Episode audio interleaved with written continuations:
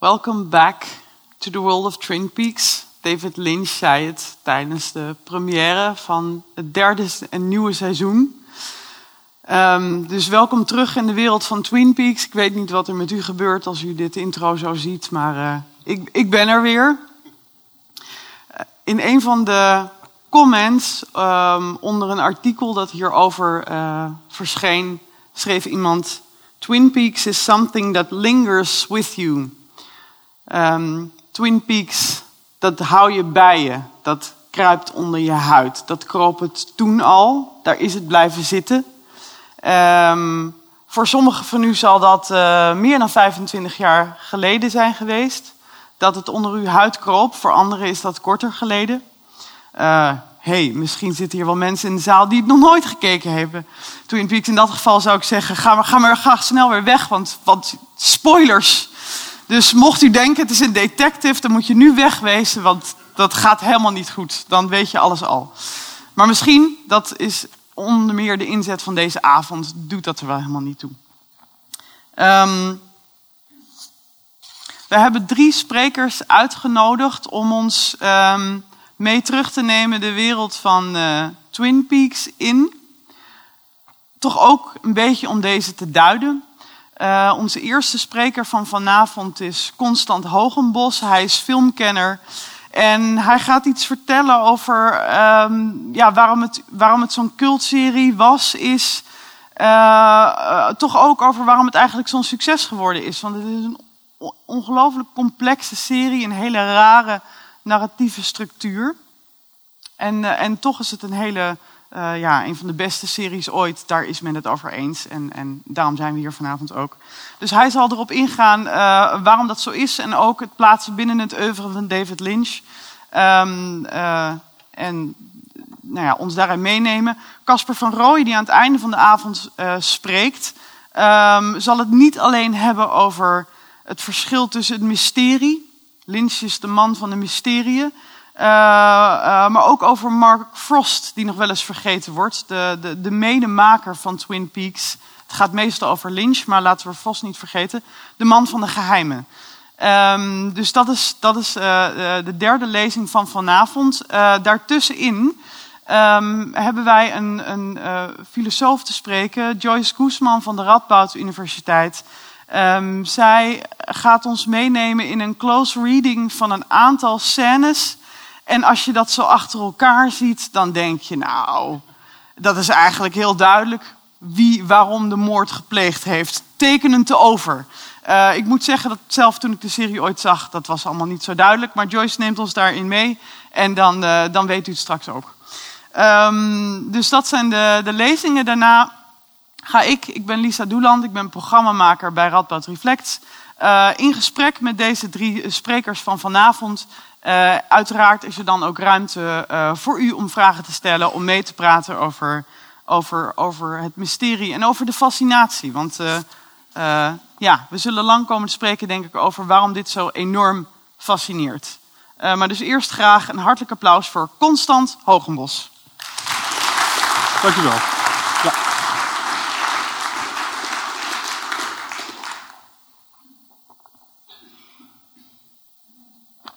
Als het goed is, komt er uh, nu een ander plaatje. Is mijn uh, microfoon, uh, ben ik goed overal te horen? Ja?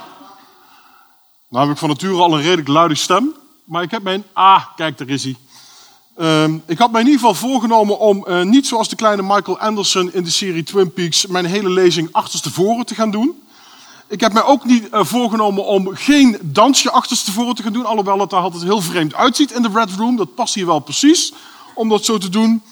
Nee, we gaan het hebben over Twin Peaks en over David Lynch. Uh, als er één boeiende filmmaker is die in de, 20, in de 20e eeuw is begonnen, en er waren natuurlijk een heleboel, dan hoort David Lynch zeker in de top 10. Um, David Lynch, uh, filmregisseur, uh, kunstschilder, hij is striptekenaar, hij is meubelontwerper, hij is hoogleraar aan de University of Fine Arts. Hij is ambassadeur van transcendente meditatie componist en vooral ook fervent koffiedrinker. Dat allemaal over David Lynch. En dan heb ik misschien nog niet alles verteld. Wat heel belangrijk is om te weten bij iemand als David Lynch is dat hij in eigenlijk in alles wat hij doet, dus ook bij het maken van televisieseries en bij het maken van zijn speelfilms, is dat hij heel erg intuïtief werkt. hij werkt graag volgens dromen en ideeën die zich vormen in het proces van het maken. En dat geldt ook heel sterk voor een serie als Twin Peaks. Als je David Lynch daarover ondervraagt, dan is hij altijd mysterieus. Hij zal nooit zijn films en zijn series uitleggen. En dat heeft hij dus over, bij Twin Peaks ook nooit gedaan. Het enige wat hij daarover kwijt wil, wil is ideeën vallen op hun plaats of niet. En vallen ze op hun plaats, dan is de film volgens Lynch geslaagd. Het kan dus zijn, als die ideeën allemaal niet op hun plaats vallen, dat hij niet tevreden is en dat hij een film dus niet uitbrengt. Of het proces helemaal opnieuw begint. Goed, Lynch is natuurlijk al jaren voorhoede van de Amerikaanse surrealistische cinema. Ehm, zijn meest eigen films die openbaren zich doorgaans als een soort van surrealistische thrillers, waar droombeelden, seks, eh, soms extreem geweld en zwarte humor hand in hand gaan met een stilistische schoonheid en de contrasten in het alledaagse leven van de Amerikaanse cultuur. Waar die vaak wel een neiging heeft naar een beetje campy Amerikaanse cultuur. En de settings waar zijn films zich doorgaans afspelen, dat is enerzijds een heel braaf plattelandsstadje, zoals een Twin Peaks bijvoorbeeld. Of juist in die uitgestrektheid, in het grootstedelijke geweld van Los Angeles. Zoals je bijvoorbeeld een Wild at Heart ziet. Een film die in hetzelfde jaar uitkwam als het eerste seizoen van Twin Peaks in 1990. Maar ook in films als Lost Highway, Mulholland Drive en zijn laatste film in 2006, Inland Empire. En wat je dan vaak ziet, is dat je van de ene kant een bijzonder vredelievend, bijna perfect leven ziet, maar daaronder, daaronder kruipt van allerlei menselijk ongedierte in de zelfkant van de samenleving. Daar gebeurt van alles wat de bovenkant van de samenleving eigenlijk liever niet wil zien. En dat gebeurt in Twin Peaks natuurlijk wanneer dat prachtige, mooie, idyllische bergsplaatsje met al die mooie bomen midden in de natuur met prachtige watervalletjes ineens opgeschrikt wordt door die afgrijzelijke moord. Want dat is natuurlijk letterlijk de rode draad van David Lynch in de serie. En het universum van Lynch is zeker herkenbaar voor ons als we daar naar kijken. Maar het is heel moeilijk te doorgronden. En zeker wanneer je voelt dat er achter die getoonde wereld van Lynch die schuilwereld ligt, die een brug lijkt te slaan naar een ander universum. Een universum waar die wereld van dromen weer een hele belangrijke rol speelt. En daar praat Lynch niet graag over. Lynch heeft zich in de loop der jaren zelden echt uitgelaten over de uitleg van zijn films en ook over Twin Peaks. Hij laat die interpretatie liever aan ons over, aan ons als toeschouwers. Hij wil onze geest verrijken met ideeën, droombeelden, waar wij zelf mee onze eigen fantasieën kunnen vormen. En zo doorbreekt hij, met Twin Peaks dus ook, heel erg de Amerikaanse uitlegcultuur. En dat maakt de Twin Peaks als televisie-event in 1990 ook zo bijzonder. Daar gaat hij weer. Wanneer je het hele oeuvre van Lynch tot op heden bekijkt, dan, dan keren ook verschillende motieven, elementen, beelden, composities en technieken steeds weer terug. dat oeuvre van Lynch is één groot mozaïek van ideeën en droombeelden die via het onderbewustzijn van Lynch een weg naar het doek, of in het geval van Twin Peaks, de weg naar het televisiescherm hebben gevonden. Zoals bijvoorbeeld in Twin Peaks die steeds vreemder wordende dromen van Agent Cooper in de Red Room. In het begin heb je nog iets van, als je naar die serie zit te kijken van, ja, dat was wel een vreemd moment. Maar op het moment dat die dromen eigenlijk complexer worden en steeds vaker optreden, dan begin je lijkt je steeds meer de greep op die realiteit in Twin Peaks kwijt te raken. En Lynch die zegt daar zelf ook over, waking dreams, want hij is een groot liefhebber van de lucide dromen.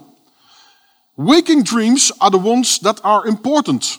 The ones that come when I'm quietly, quietly sitting in a chair letting my mind wander. When you sleep, you don't control your dream. I like to dive into a dream world that I've made or discovered myself, a world I choose. You can't really get others to experience it But right there is the power of cinema. En dat is precies wat ik net bedoelde. Hij wil ons dromen, ideeën, uh, beelden meegeven, zodat wij zelf daar ook weer iets mee kunnen. Kijken we dan ook meer op een psychologisch vlak naar het werk van Lynch en wat we ook in Twin Peaks zien, dan zien we heel vaak dat hij zijn vrouwelijke karakters laat strijden met een soort van gespleten persoonlijkheden. En problemen hebben, dat ze problemen hebben met hun identiteit. En dat zien we bijvoorbeeld voor het eerst echt optreden in Twin Peaks, in de casting van Cheryl Lee in de rol van enerzijds Laura Palmer, maar ook als haar nichtje Maddie Ferguson. Later zien we dat ook terug in films als Lost Highway, hè, waar Lynch Patricia Arquette cast in de dubbelrol van Renee Madison, maar ook als Alice Wakefield. En in Mulholland Drive zien we Naomi Watts als Diane Selwyn, maar ook als Betty Elms. En Laura Herring als Camilla Rhodes en Rita. En in zijn laatste film Inland Empire doet hij het weer, waar hij Laura Dern de rol van Nikki Grace geeft, maar ook de rol van Susan Blue. Ook daar speelt hij voortdurend weer met realiteiten. Maar gaan we dan eens kijken naar Twin Peaks, waar we natuurlijk vanavond ook hier voor samen zijn. Mark Frost werd net al even genoemd. Een hele belangrijke naast David Lynch in de totstandkoming van die beroemde serie.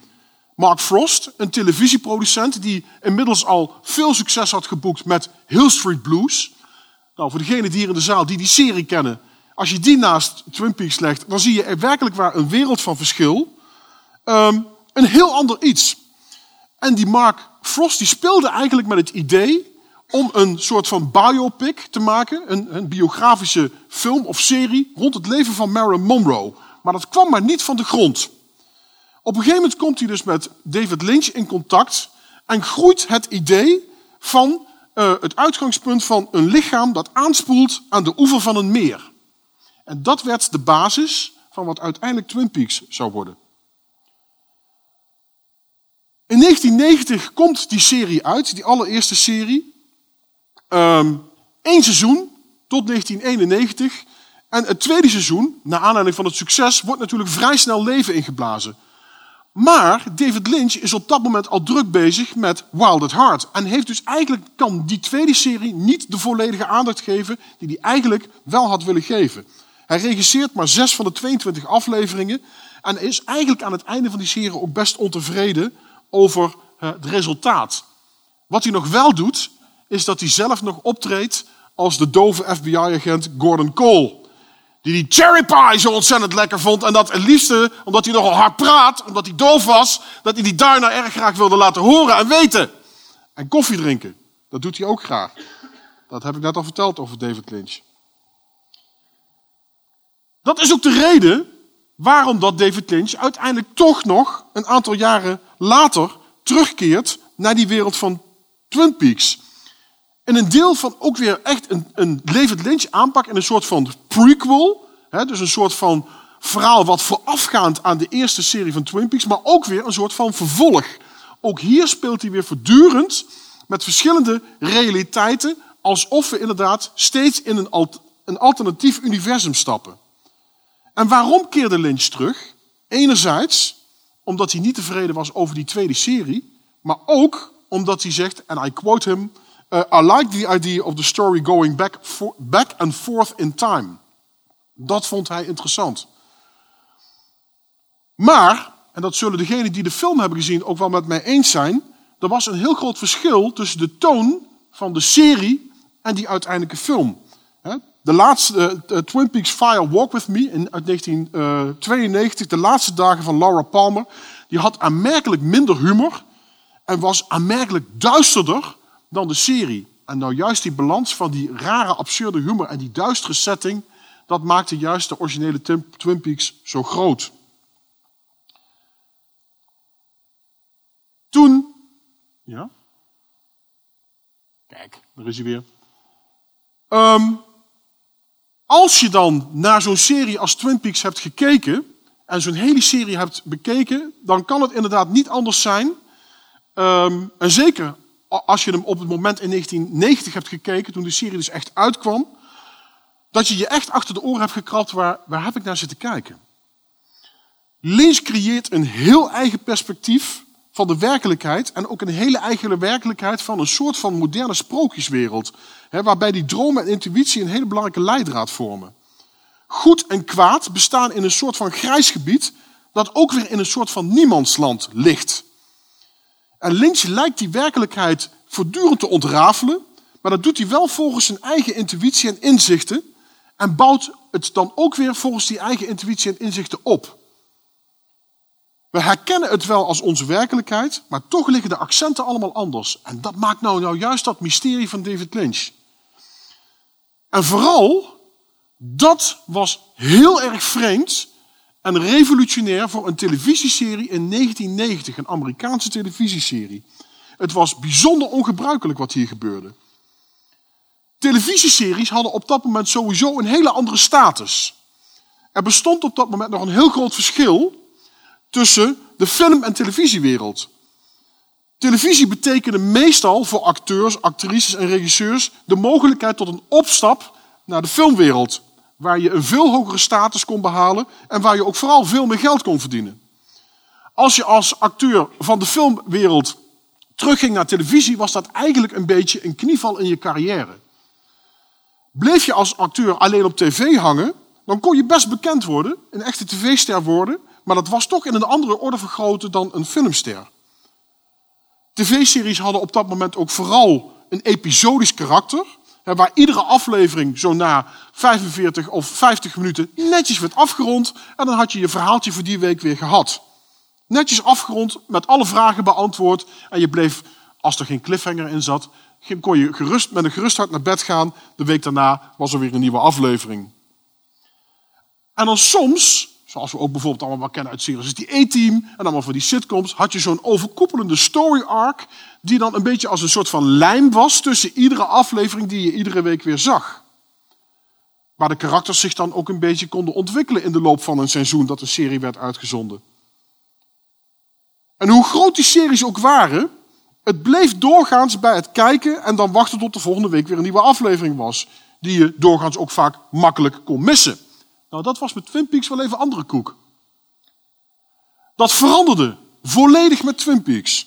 Ineens was daar een televisieserie met een vaak ondergrondelijke story arc, uitzinnige karakters, vreemde plotwendingen, dubbele bodems en geen afleveringen die iedere week een net verpakt setje met vragen en antwoorden afleveren, afleverden.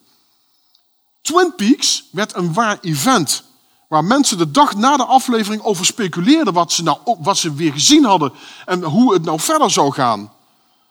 Um, ze krabden zich achter de oren van waar heb ik nou in hemelsnaam een, naam een uur naar zitten kijken. En daartegenover, televisie was doorgaans licht verteerbare kost. Um, waarbij de hersencellen niet bijzonder werden gestimuleerd. En daar zorgde Twin Peaks wel even voor dat dat op een andere manier ging.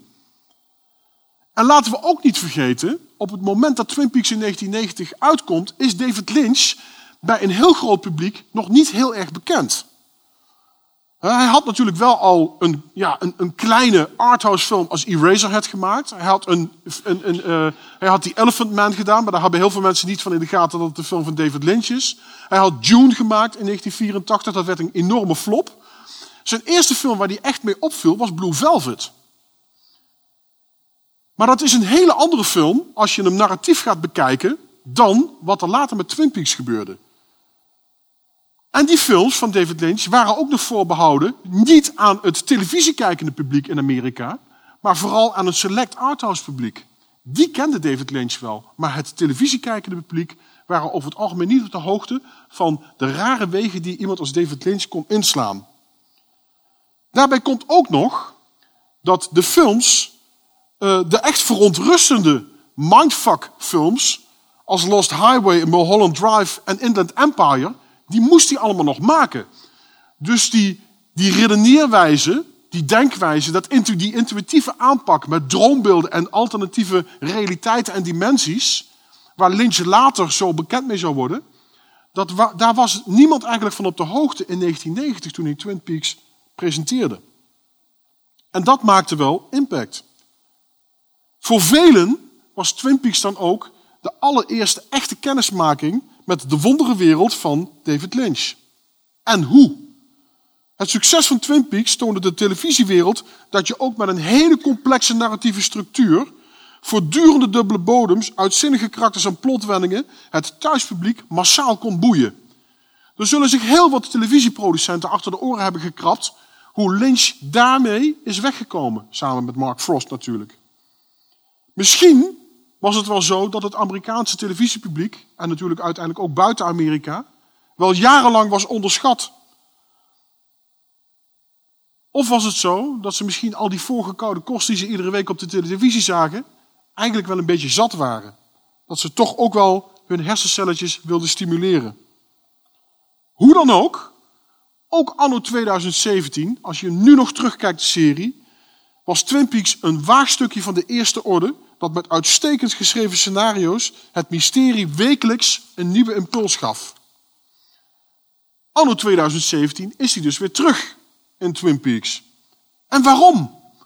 zijn laatste film heeft hij gemaakt in 2005, Inland Empire. Daarna heeft hij zich met van alles bezig gehouden, maar niet met film en televisie.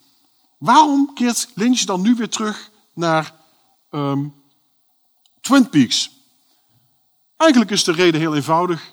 Hij heeft zo'n waardering en zo'n fascinatie met de originele karakters dat hij heel graag wilde terugkeren naar de wereld van Twin Peaks. Dat is het enige wat geen mysterie is rond David Lynch als het gaat om Twin Peaks. Maar misschien speelt daar ook toch nog wel steeds een beetje die frustratie dat hij niet tevreden was met dat tweede seizoen van Twin Peaks en dat ook die film Fire Walk With Me, dat die ook niet een heel groot succes werd. Dat heeft misschien toch aan zijn ziel geknaagd. En zie daar, hij is weer terug. En je kunt erover speculeren wat er gebeurd zou zijn als Twin Peaks niet op televisie was geweest. Twin Peaks heeft natuurlijk de ogen van heel veel producenten in Amerika opengemaakt. Dat je ook met aparte verhalen, met aparte karakters, met een hele ingewikkelde story, overkoepelende story arc, ook een groot publiek aan je kunt binden. En hè, een serie als die X-Files, die drie jaar later verschijnt, daar kun je dan over speculeren. En daar wil ik graag best nog straks met mensen over praten. Je zou bijna kunnen zeggen, was die serie ooit wel gekomen als Twin Peaks, Twin Peaks er niet was geweest? En ook een serie als The Kingdom, ofwel Riget, van Lars von Trier uit 1994. Als je die ziet, dat lijkt sterk geïnspireerd door Twin Peaks. En degenen die die serie ooit wel eens hebben gezien, zullen dat ongetwijfeld met mij eens zijn. Dus wat wij nu zien als een cultserie, heeft ook in de Amerikaanse filmwereld, in de productie, heel veel teweeggebracht. Achter de schermen, maar bijvoorbeeld een serie als Lost, was waarschijnlijk nooit ontstaan als Twin Peaks geen succes was geweest. Als Twin Peaks was geflopt en was weggezakt, dan was het misschien voor een select publiek een cultserie geweest. En hadden we waarschijnlijk vanavond deze avond ook niet gehad. Wat dat betreft was Twin Peaks ook zijn tijd ver vooruit. Het was eigenlijk de binge-watching serie avant la lettre. Alleen ging je toen nog niet vijf, zes uur achter elkaar. Kon je eigenlijk nog niet naar een serie kijken. Of je moest hem helemaal opnemen op video. En dan daarna nog een keer kijken. Maar dat zat toen nog niet in onze mindset. Dat deden we toen nog niet. Nu wel. Ik denk dat nu iedereen zit te wachten tot de nieuwe Twin Peaks serie af is en hem dan in één keer gaat kijken. Ik denk het wel. Goed. Ik vond dit wel een mooi plaatje om mee af te ronden. When you see me again, it won't be me. Ik ben straks weer terug. Ik geef het woord aan de opvolger. Dank u wel.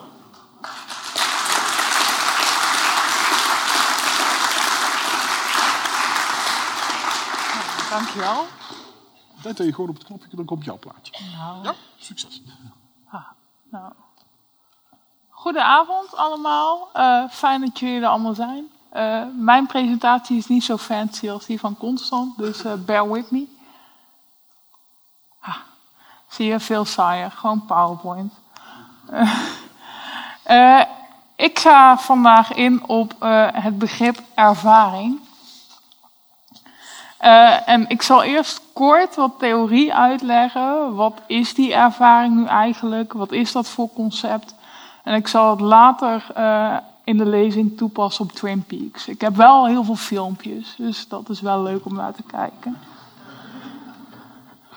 Wat maakt een ervaring nu echt? Wat maakt een ervaring relevant? In de fenomenologie, uh, een stroming binnen de filosofie, is een hele belangrijke plek weggelegd voor die ervaring. Je zou zelfs kunnen zeggen dat de hele fenomenologie begint met ervaring. De slogan van de filosofie is terug naar de dingen zelf. We moeten niet langer prachtige, theoretisch, volledig dichtgetimmerde denksystemen uh, in elkaar zetten, die, ja, side note, niks met werkelijkheid te maken hebben. Maar we moeten juist focussen op die werkelijkheid. Uh, daar moeten we bij beginnen. Of specifieker, we moeten beginnen bij onze ervaring van die werkelijkheid. Maar wat is dat, een ervaring? Veel van onze ervaringen zijn perceptueel, iets dat we kunnen waarnemen. Ik bedoel daarmee niet alleen dat ik bepaalde dingen kan zien of horen, dus wat je normaal denkt bij, bij waarneming, maar ik bedoel daarmee het gehele gevoel, zeg maar, dat je krijgt bij een ervaring. Dus als ik kijk naar een aflevering Twin Peaks, dan is dat niet alleen de beelden en het geluid dat ik hoor, maar dat is ook inclusief het nostalgische gevoel dat ik daarbij krijg. Uh, in de fenomenologie noemen we dat holistisch. We nemen dingen waar in de context van een groter geheel, in de context van de wereld, in de context van ons leven. Uh, we interacteren continu met de wereld. Uh, met stoelen, met cherry pie, met televisieseries en met elkaar. Uh, onze interactie met deze wereld wordt gestuurd door praktische zaken. Mijn voeten doen zeer. Ik sta al de hele dag en ik draag zulke. Goh, relax dat daar een stoel staat. Kan ik zo meteen gaan zitten? Onze ervaring van de wereld is pre-reflectief. En daarmee bedoel ik dat we niet hoeven na te denken als we omgaan met de wereld. We kunnen voordat we ook maar ergens over nagedacht hebben, voordat we ergens op gereflecteerd hebben, kunnen we al ervaren. En dat kan omdat de wereld uh, holistisch ervaren wordt. Dus alles, ieder onderdeel wordt geplaatst in een groter geheel. Dit is uh, Edmund Husserl, uh, de grondlegger van de fenomenologie. hij leefde begin vorige eeuw. En volgens Husserl kunnen we een object op drie manieren ervaren. Drie manieren. De eerste manier is verwijzend. De tweede manier is verbeeldend of beeldend. En de derde manier is perceptueel. Ik kan spreken over de cherry pie van de diner om de hoek. Je ziet hier twee mensen die zijn met elkaar praten. De ene vertelt, hé hey jongen, weet je wat lekker is? Die cherry pie van de diner op de hoek. Moet je echt gaan, moet je echt gaan eten. Ik heb die cherry pie nog nooit gezien. Ik heb die cherry pie nog nooit gegeten. Ik ken alleen de verhalen over die taart. En dat is uh, het verwijzend interacteren met een object. Het verbeeldend interacteren met een object is letterlijk verbeelden, dus een beeld maken van een object. Zoals ik bijvoorbeeld een flyer zie waarin ze reclame maken voor cherry pie. En in het dagelijks leven associëren we het woord verbeelding met iets anders, dus met fantasie, dat soort dingen. Dus ik zal in principe het woord beeldend gebruiken. En tot slot kunnen we perceptueel met uh, de objecten omgaan. Zoals we hier uh, de Log Lady zien we de cherry pie eten. En zoals je die ziet is het echt een miracle. Het is echt een hele goede taart. Uh, wacht. Deze drie manieren moeten we echter niet los van elkaar zien. En dat is ook logisch, want ze hebben alle drie met hetzelfde object te maken. Het, is heel logisch dat iemand mij eerst vertelt: hey Joyce, je moet echt die cherry pie gaan eten. Super lekker, moet je gaan doen. Dat ik vervolgens ergens zo'n flyer tegenkom en dan denk: ja, nou oké, ik ga wel naar, die, naar de diner en ik ga wel cherry pie eten. Het is wel zo dat die drie objecten in een hiërarchische relatie staan met elkaar. Uh, dus perceptueel staat hoger dan verwijzend. En dat heeft te maken met het feit dat de perceptuele manier van omgaan, omgaan met een object Op het moment dat we perceptueel omgaan met een object, is dat object daadwerkelijk fysiek aanwezig. We, kunnen, we hebben een directere, we hebben een originelere toegang tot het object op het moment dat het er is en we dus perceptueel kunnen ervaren.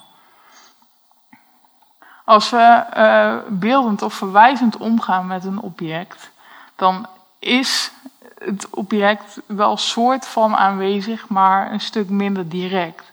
Dus op het moment dat je erover praat, is het minst fysiek aanwezig. Het is wel belangrijk dat we dit gradueel zien. Als ik die cherry pie alleen van een afstandje zie, stel daar ergens helemaal in de hoek, daar staat de cherry pie, dan, heb ik een minder directe ervaring dan wanneer hij hier voor mijn neus staat en ik hem daadwerkelijk op kan eten. Er zijn ook geen vaststaande maatstaven uh, die ik op iedere ervaring kan plakken van wanneer is hij beter of minder goed. Uh, het is makkelijk om dan te denken aan het voorbeeld van de sterren. Als je kijkt naar de sterren, is het niet zo handig als het heel erg licht is. Je kan sterren veel beter zien als het donker is. Als je een boek gaat lezen daarentegen, kun je beter maar wel wat licht hebben. Dus je hebt geen vaststaande meetlat waartegen je een ervaring aan kan leggen.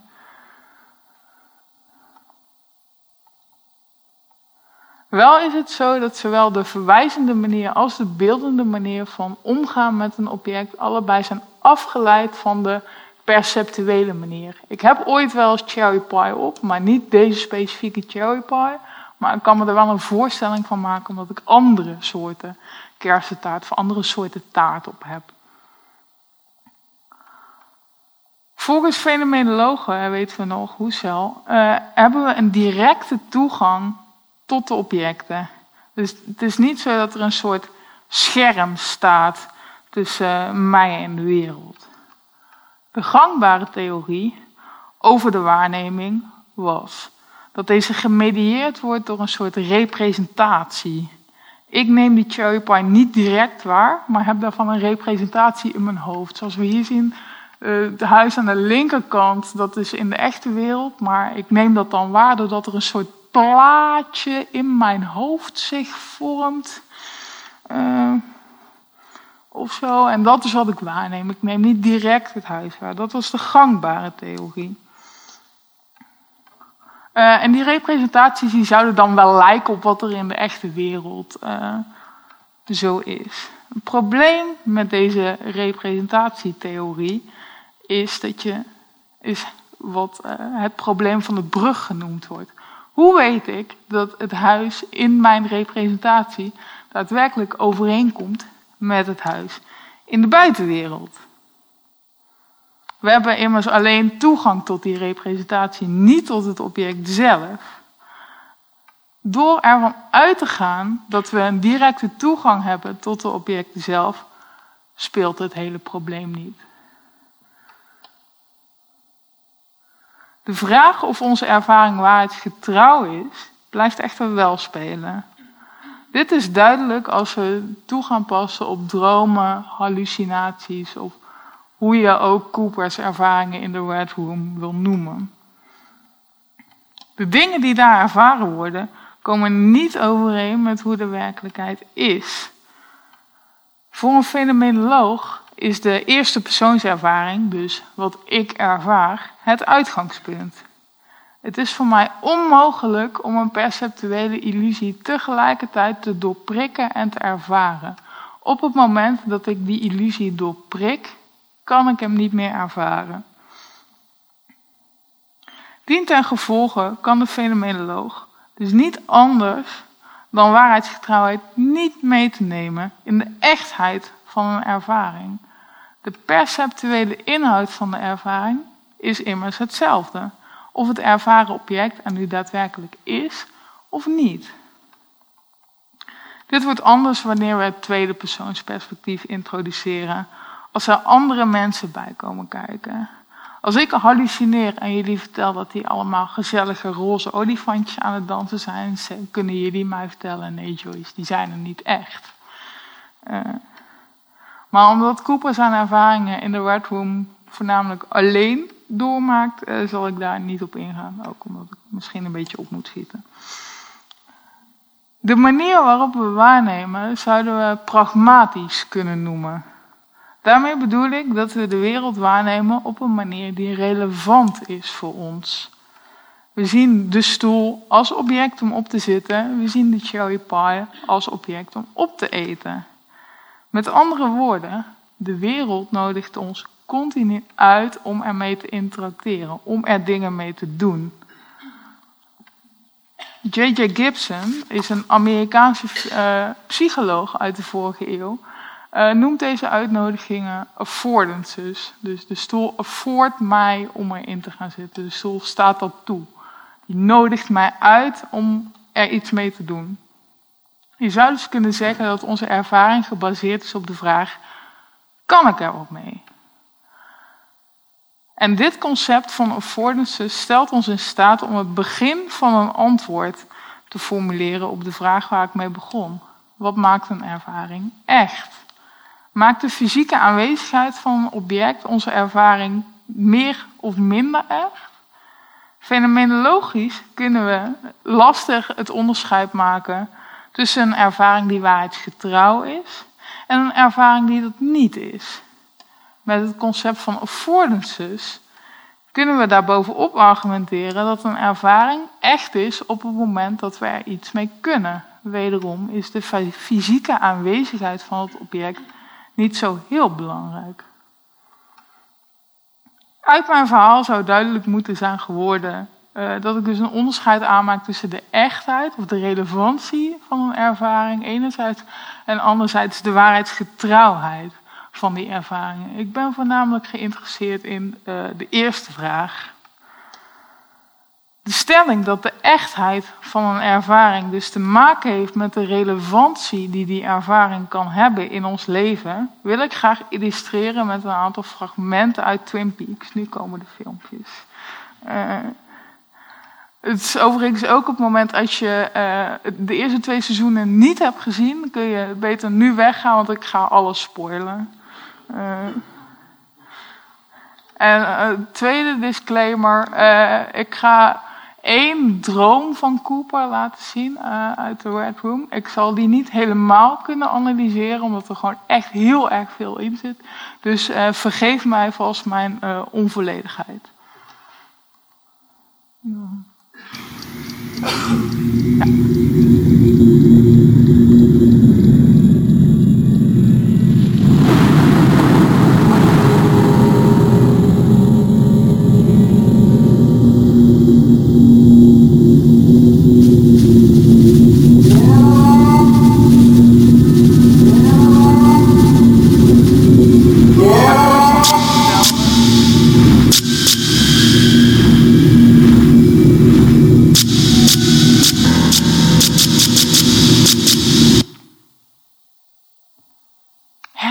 Dat is niet het hele fragment. Hoor ik jullie denken, nee, we gaan straks verder.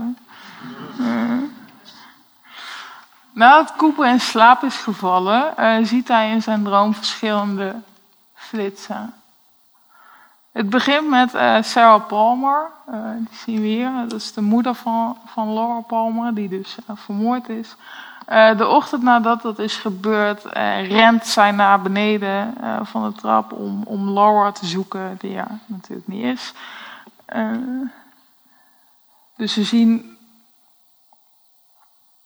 we zien eerst ja, haar moeder helemaal in paniek van de trap rennen. Vervolgens zien we Bob. Bob is een demonische geest en die kan mensen bezitten. En dit is een beeld uit een visioen van, de, van Sarah, die we hiervoor zagen. Uh, tot slot, daarna zien we de buitenkant van het treinstel. Het is me niet gelukt om daar een screenshot van te maken, omdat het zo ontzettend kort in beeld uh, is. Dus dat moeten jullie maar van me aannemen. Uh, en er wordt geëindigd met de dode Laura in het mortuarium. En deze, ah, die heb ik wel, dat is wel gelukt. Deze drie aanwijzingen samen leiden ertoe dat Cooper de moord op Laura Palmer kan oplossen.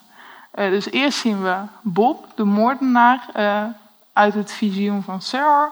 Vervolgens zien we de locatie van de moord. En uh, we eindigen met de vermoorde Laura. Kijken hoe al, al deze dingen aan elkaar gaat knopen. Through the darkness of future past, the magician longs to see one chance out between two worlds. Fire, walk with me. We lived among the people. I think you say convenience store. Hmm? We lived above it. I mean it like it is, like it sounds. I too have been touched by the devilish one. Tattoo on the left shoulder. Oh, but when I saw the face of God, I was changed. Entire arm off. Mooi dat het zo hier precies gestopt is. Twee dingen door elkaar. Uh, in deze scène maken we kennis met Mike. Uh, en Mike is eigenlijk net zo'n soort entiteit als Bob. Uh, een geest die mensen kan bezitten. Maar in tegenstelling tot Bob, die slecht is, kunnen we wel stellen, is Mike goed. En hij reciteert het volgende gedicht. Oh. Nou, goed. Through the darkness of future past, the magician longs to see one chance out between two worlds. Fire, walk with me. Niet heel toevallig ook. Uh, de titel van de film. En als je dit voor het eerst hoort, dan denk je, oh, dacht ik in elk geval, gaat het over? Waar heeft die Mike het over? Ja, het zal wel. Heel raadselachtig. Maar uh, als je vol blijft houden en toch Twin Peaks blijft kijken en uh, een beetje door die onbegrijpelijkheid af en toe heen durft te prikken, uh, dan komen we dit gedicht nog een keer tegen.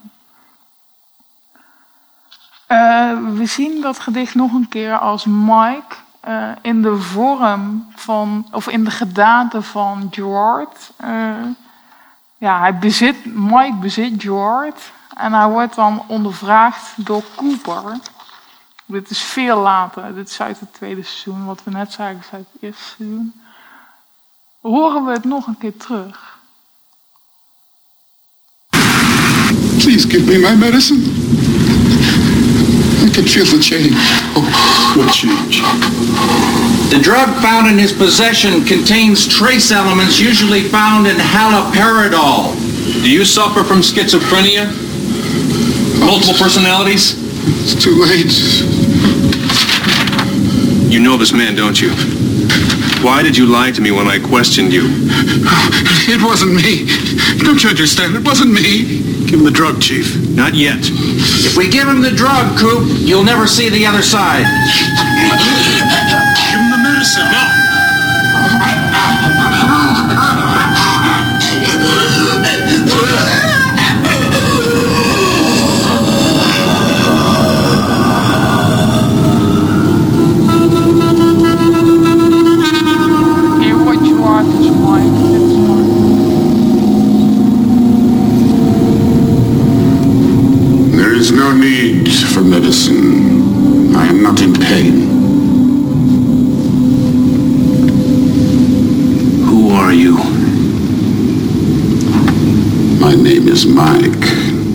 What are you?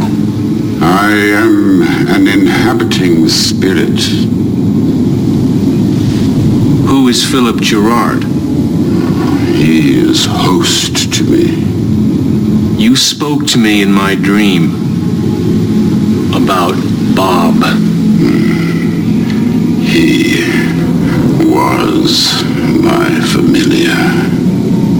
Where does Bob come from? That cannot be revealed.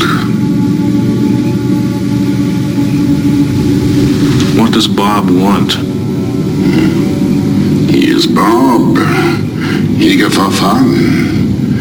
He wears a smile Everybody run. Do you understand the parasite? It attaches itself to a life form and feeds.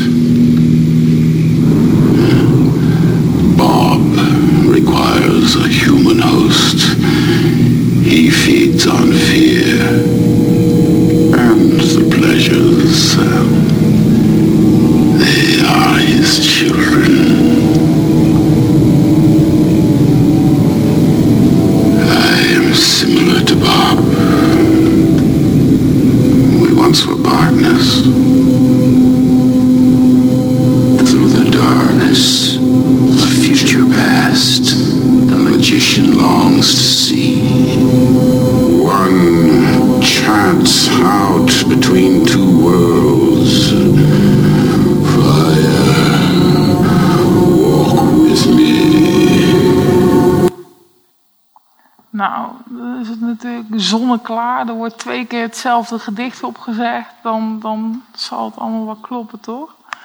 Dus aan Mike wordt, eh, wordt in eerste instantie gevraagd van... hey, ben je misschien schizofreen? Heb je meerdere persoonlijkheden? Want ja, je ziet, je ziet hem veranderen letterlijk. Hij verandert van Gerard in Mike. Twee hele verschillende mensen. Eh, dus het is niet zozeer... Hij heeft dus niet echt meerdere persoonlijkheden... maar hij wordt dus bezeten door Mike. Eh, en zodra die tekening van Bob aan Mike, of aan Gerard dan nog, eh, wordt getoond, eh, neemt Mike het over en verandert ook heel die stem. Die stem die lijkt uit een andere wereld te komen. En dan legt Mike eigenlijk, zeker voor Twin Peaks, best wel helder uit wie hij is. Eh, het is een geest en hij bezit Gerard. En eh, ze, Cooper en Mike die praten wat over Bob. En eh, ze zeggen inderdaad samen dat gedicht op. Dus het is voor Cooper dan meteen helder. Ah, oké, ja, Bob is inderdaad dus de moordenaar. En we gaan nu weer terug naar, de, naar, het- naar de eerste droom.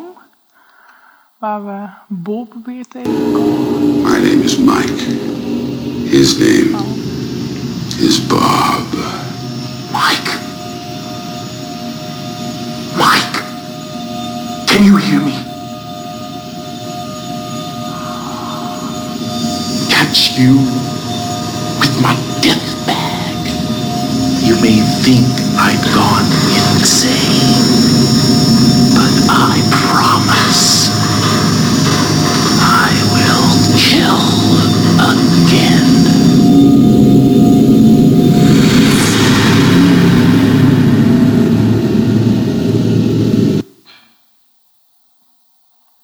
Nou, we zien dus dat niet alleen Mike, maar ook Bob eh, houdt van poëtisch taalgebruik. De dead bag waar hij het over heeft, eh, is een referentie naar het feit dat, dat Bob zijn slachtoffers dus in eh, van die plastic zakken wikkelt. Letterlijk een zakken voor de dood. En we horen Bob ook beloven dat hij wederom gaat moorden. En Dat, die belofte komt hij ook na. Hij vermoordt eh, Maddie Ferguson, dus het nichtje van Laura Palmer. Eh, en dat doet Bob terwijl hij eh, het lichaam van Leland Palmer, dus de vader van Laura, heeft bezeten. En dat wordt duidelijk als we Leland's bekentenis horen.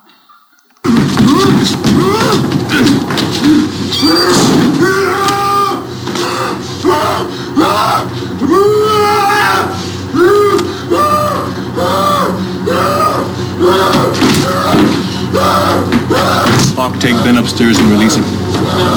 Leland? That's not Leland. How did you know? Laura told me in her dream. I'm gonna need a lot stronger evidence than this. How about a confession, Harry? Right to an attorney. If you cannot afford an attorney, one will be appointed for you.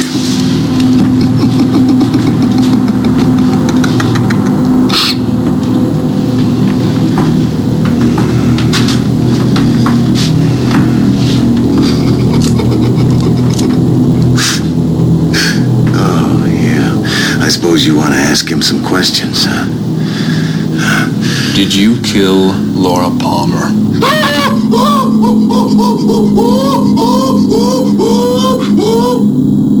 That's a yes. How about Madeline Ferguson? What do you think? I'm asking you. Well, what do you think? That's the question. Oh, gosh, gee, gee, whiz. I guess I kinda sorta did. I have this thing for knives. It's like what happened to you in Pittsburgh that time. Huh, Cooper? Oh, Leland. Leland, Leland. You've been a good vehicle, and I've enjoyed the ride. But now he's weak and full of holes. It's almost nearly time to shuffle off the buffalo. Does Leland know what you've done? Oh, Leland's a babe in the woods with a large hole where his conscience used to be. And when I go, children, I will pull that red card. And you watch, Leland, remember? Watch him.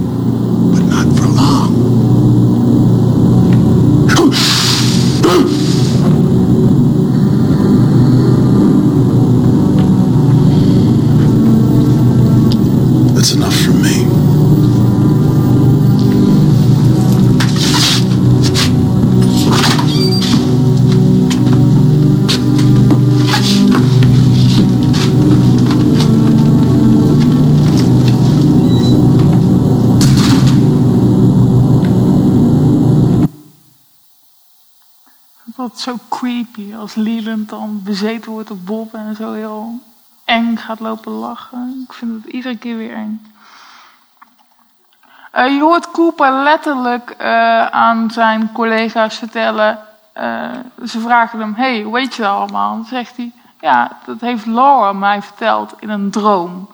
Er wordt letterlijk geëxpliciteerd dat de ervaring die Cooper op heeft gedaan in een droom daadwerkelijk een uitwerking kan hebben eh, in de wereld. En ik heb nu weer een filmpje. Oh ja, daar gaan we. Ben Horn's blood test. He's the wrong type. Harry, the answer was right in front of me from the very beginning. What did the little man do in my dream? He danced. After Laura's death, Leland danced compulsively. We were told that Bob the killer was a gray-haired man. When Leland killed Jock, his hair turned gray overnight. Leland said when he was a child, the gray-haired man who lived next door was named Robertson. Mike said the people Bob inhabited were his children. Robertson, son of Robert. The letters under the fingernails, R-O-B-T, Bob was spelling his name. A signature on a demon self-portrait. Why would he kill her? Laura was writing about Bob in her diary. Leland found it, ripped out the pages. She knew he was onto her. It was Leland who placed that call from Ben Horn's office to Laura the night she died. He was the third man outside Jock's cabin window. He took the girls to the train car. It was his blood we found, not Ben Horn's. Then why kill Maddie? Maybe she reminded him of Laura. Maddie was going home. Perhaps he couldn't bear to part with her. He wanted to relive the experience, or maybe she realized Bob was a killer and he found out. Now this Bob really exist. I mean, Leland is just crazy, right?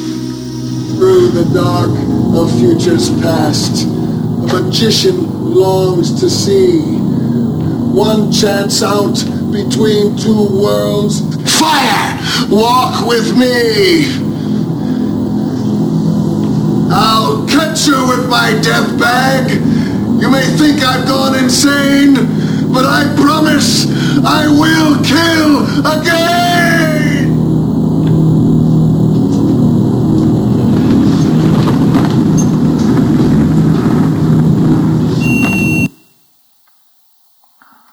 Dus we horen hier Leland eh, de twee gedichten, zowel die van Mike als die van Bob, uiteindelijk eh, opzeggen. Dus er zijn wel degelijk heel veel aanwijzingen in Twin Peaks. Het is niet alleen maar een, een brei van onbegrijpelijke dingen.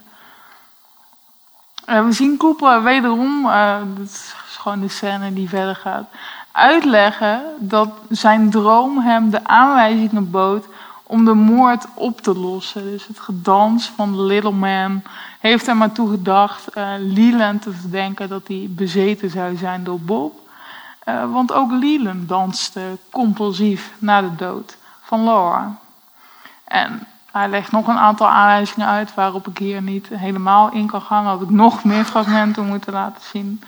Uh, en we horen dus, uh, hij eindigt dus met het opzeggen van die twee gedichten. En denk je nu van, goh, dat is wel heel ingewikkeld. Dan moet ik het, uh, dan moet ik wel heel goed opletten. Je kunt ook op een andere manier erachter komen wie de moordenaar van Laura is. My father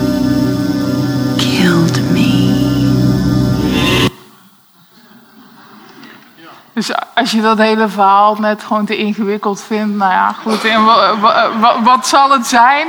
Zeven seconden wordt gewoon gezegd, uh, ja goed, het was mijn vader. Dus.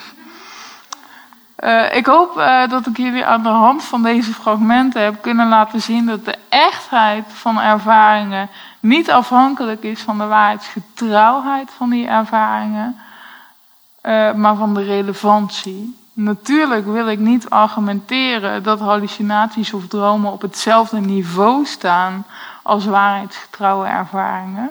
Er is uiteraard een verschil tussen beide vormen. Maar ik denk wel dat we uh, ervaringen uit dromen of hallucinaties uh, niet zomaar moeten wegzetten als irrelevant, als iets waar je niks mee kan. Want zonder Coopers dromen uh, zijn ervaringen in de Red Room, had hij de moord op Laura Palmer nooit op kunnen lossen.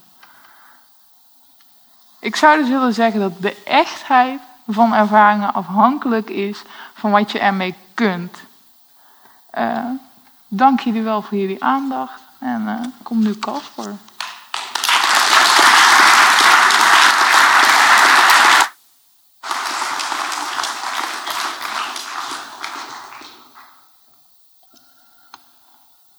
Uh, ik heb gezellig een uh, verhaaltje dat ik voorlees. Mijn verhaal heet Twin Peaks en de Plastic Man. Een verlangen naar mysterie in een tijd van doorzichtige dromen. Een overpeinzing in drie delen. 1. Ik moet de plastic man voor het eerst ontmoet hebben toen ik een jaar of zeven was. Hij zat op de schutting die, zoals schuttingen nu eenmaal doen, onze tuin van die van de buren scheiden. Ik heb hem nooit ergens anders gezien dan op die schutting. En toch schrok ik me elke keer een hoedje als hij daar bleek te zijn. Waarschijnlijk ook geen al te vreemde reactie wanneer je oog in oog staat met iemand die geheel opgebouwd is uit felgekleurde Duplo-blokken. Zo gauw hij tegen me begon te praten, wist ik echter iedere keer opnieuw dat ik met een vriendelijke verschijning uh, te maken had. Kasper, ik ben het maar, zei hij dan. En ik zit hier waar de ene plek ophoudt en de andere begint. Ergens anders kan ik niet zijn. Heb je een appel voor me meegenomen? En elke keer moest ik tot mijn spijt constateren dat ik geen appel bij me had. Maar ik kon natuurlijk naar binnen gaan om op de fruitschaal te kijken. Daar wilden ze nog wel eens liggen. Kijk uit voor de engerts, riep hij met een achterna. Ze kunnen zich overal verstoppen. Ik wist dat ik moest weten wie de engerts waren. Ik kon hun aanwezigheid voelen als ik naar de fruitschaal liep. Met een goudrenet in mijn hand wilde ik zo snel mogelijk weer naar buiten gaan. Maar ik haalde de keukendeur nooit. De klok boven het fornuis begon steeds trager te tikken. In tergend slow motion probeerde ik me te verplaatsen. Maar de ruimte leek van stroop geworden. En ik voelde dat de appel als een moes over mijn hand droop. Door het raam zag ik het silhouet van de plastic man druk gebaren. Hij leek me te willen waarschuwen voor iets. Ik probeerde mijn hoofd om te draaien, maar vlak voor ik kon zien wat er achter me aankwam, werd ik wakker. Deze droom had ik met enige regelmaat. Nooit precies hetzelfde, maar altijd variaties hierop. Eén keer kwam een van de platen van het gasfornuis omhoog. Het bleek de hoed te zijn van een vrouw met een stenen gezicht. Ik werd traag haar kant opgezogen. Alles waar ik me aan vast wilde houden glipte tussen mijn handen vandaan. Ik veranderde in een sliert en gleed langs het hoofd de duisternis in. Wanneer ik tussen mijn ouders in kwam liggen, vroegen ze soms wat ik gedroomd had. Ik zei dan, het is te erg om te vertellen. Ik was ervan overtuigd dat vertellen wat ik gezien had het allemaal echter zou maken. En de dromen waren al zo levensecht. Als ik nu aan ze terugdenk, is het beeld zoveel scherper dan de meeste van mijn herinneringen aan het wakende leven. Het verleden vergeelt, maar van die droomwereld kan ik het gevoel niet onderdrukken dat ze nog steeds ergens op me ligt te wachten. Ik zie je weer over 25 jaar, had de plastic man kunnen zeggen. Wie weet is een deel van mij daar wel altijd achtergebleven.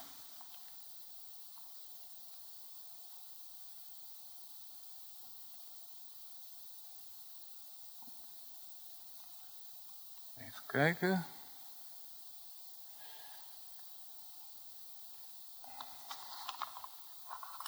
Nee. Dat zou wat voorbarig zijn. Some of your friends are real.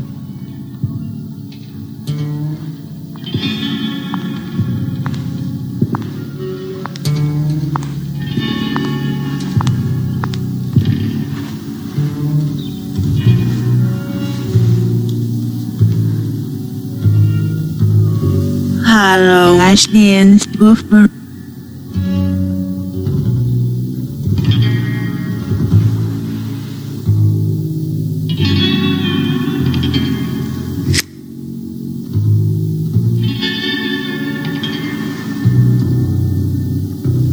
Halsiu, Hagen und Nonsi, Haverus,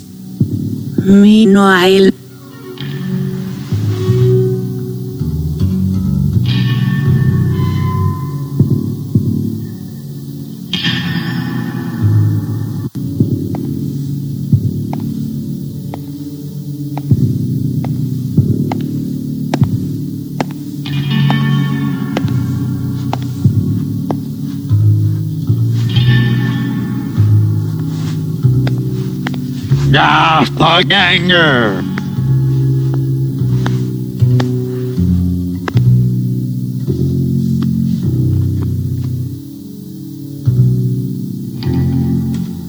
Meanwhile,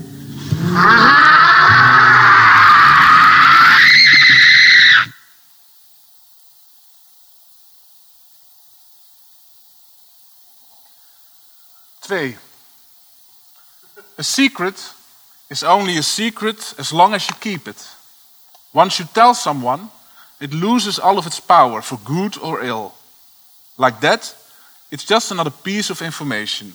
But a real mystery can't be solved, not completely.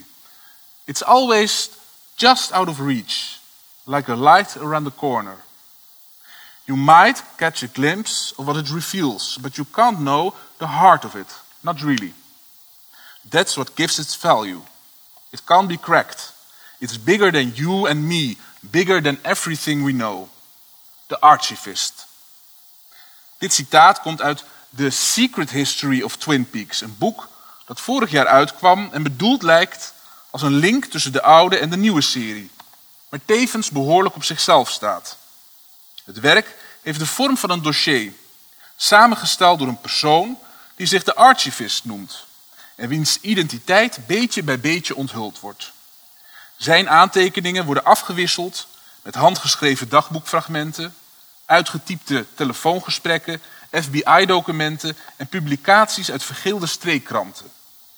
Belangrijke figuren uit ruim 200 jaar Amerikaanse geschiedenis aan complotten, doofpotaffaires en geheime genootschappen spelen een sleutelrol. En hun link met het ons zo vertrouwde stadje en zijn markante inwoners blijkt meestal pas na tientallen bladzijdes. De schrijver van het boek is Mark Frost, wiens naam we kennen als medebedenker van Twin Peaks, maar die altijd gedoemd zal zijn om in de schaduw van David Lynch te staan. Dit citaat interpreteer ik als een subtiele ode van Frost aan Lynch. Een onderkenning van waar hij zelf als maker tekortschiet. Want wat zijn boek biedt, zijn overduidelijk secrets. Een duizelingwekkende en adembenemende stortvloed aan secrets. Maar niets wat niet in theorie zou kunnen worden verklaard. Het heet niet voor niets The Secret History of Twin Peaks en niet The Mysterious History of Twin Peaks. Waar Frost de man is van de geheimen, is Lynch die van de mysterieën. Van de zaken die gedoemd zijn onbereikbaar te blijven, omdat de geest er onmogelijk volledig grip op kan krijgen. Die daar hun glans aan ontlenen en zijn werk zo iconisch kortsdromerig maken. Waar Frost analytisch te werk gaat, er duidelijk plezier in heeft alles met elkaar in verband te brengen, staat Lynch juist bekend om zijn volstrekt intuïtieve aanpak. Zo zou hij op het idee van de dwerg in de Rode Kamer gekomen zijn toen hij zijn handen eens op het dak van een hete auto hield. Dat spreekt uiteraard geheel voor zich. Het geheim van Twin Peaks succes moet wel de combinatie van deze twee krachten zijn. Zonder Lynch mysterie had het nooit zo'n mythische status kunnen bereiken. Dat lijkt voor zich te spreken. Maar onderschat ook het aspect van Frost's geheimen niet. Want de suggestie tot een mogelijke verklaring is juist dat de spanning vasthoudt. Anders zou wellicht een gevoel van willekeur kunnen ontstaan. Je ziet het aan Fire Walk With Me, de Twin Peaks film die Lynch maakte zonder medewerking van Frost. Er zitten enkele scènes in de film die werkelijk uit de lucht lijken komen te vallen. Zoals ene Agent Jeffries, gespeeld door David Bowie, die uit een lift in het FBI-bureau die uit een lift in het FBI-bureau komt lopen, enkele nauwelijks verstaanbare dingen over ene Judy roept en dan in het niets verdwijnt. Drie jaar geleden, mogelijk omdat hij toen al bezig was aan een nieuwe serie, bracht Lynch opeens een 90 minuten durende collage uit van scènes die hij uit Fire Walk With Me knipte. Agent Jeffries heeft dan opeens een langere scène. Zijn verhaal blijft nog steeds behoorlijk vaag, maar houdt duidelijker verband met de rest van het verhaal. Zou Lynch bewust hebben zitten knippen uit angst dat zijn mysterieën anders te veel op geheimen zouden lijken? In dat geval is hij, naar mijn smaak, wat te overdreven te werk gegaan. Met een deel van de weggeknipte scènes was Fire Walk With Me een sterkere film geweest. Net zoals The Secret History of Twin Peaks mooier was geweest met enkele stukken die out of reach, like a light around the corner zijn. Frost en Lynch, Twin Peaks heeft hen beide nodig. Sit down, Jeffries. Listen, listen up, listen carefully. I've been to one of their meetings. It was above a convenience store. Whose meeting? Where have you been? Jeffries, you've been gone damn near two years. It was a dream. We live inside a dream. And it's raining post toasties. Helga, baby, damn no!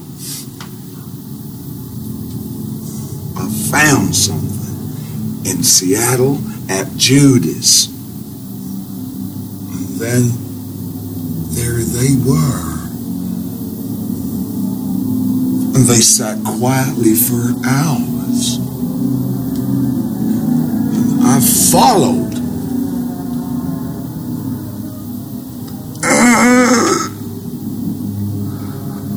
Oh, oh, oh. Ring. The ring. Albert, I'll take that second mineral water. Philip, let's calm down here and get all this interesting story on paper. Hello? Hello? Hello? Give me some good news. Cooper, the device has gone faulty. Can anybody hear me? Mayday! Mayday!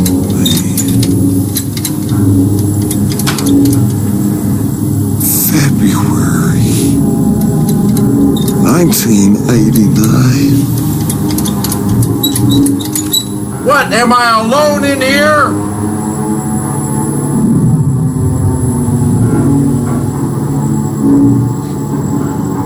He's gone! What?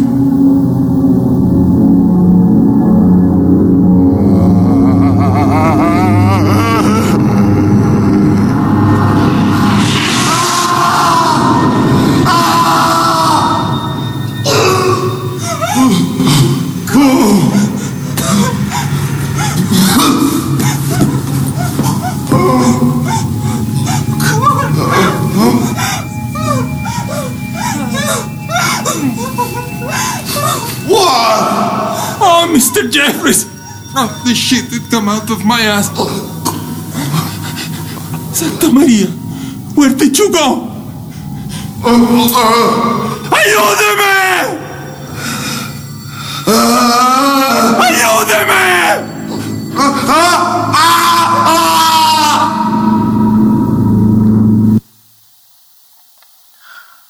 Het lijkt heel Lynchiaans dat het geluid niet synchroon loopt.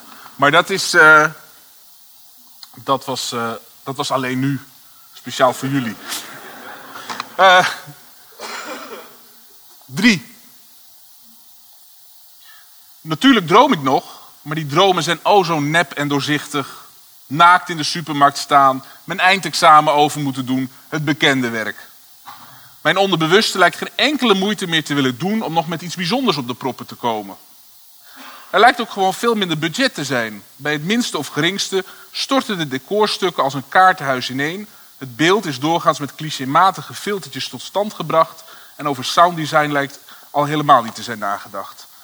Van alle karakters is meteen duidelijk op wie ze gebaseerd zijn. Soms spelen ze domweg zichzelf.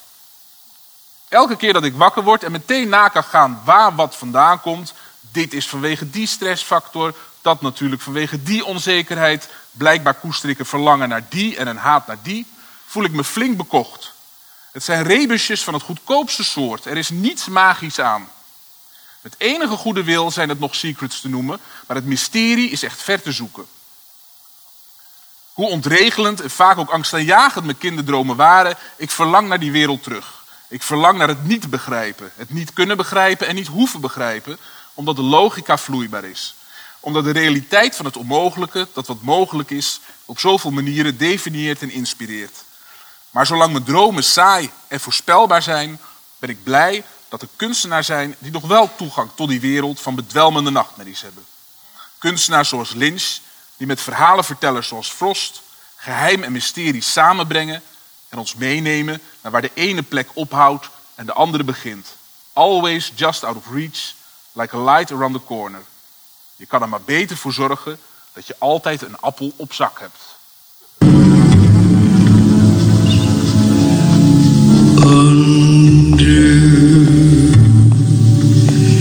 the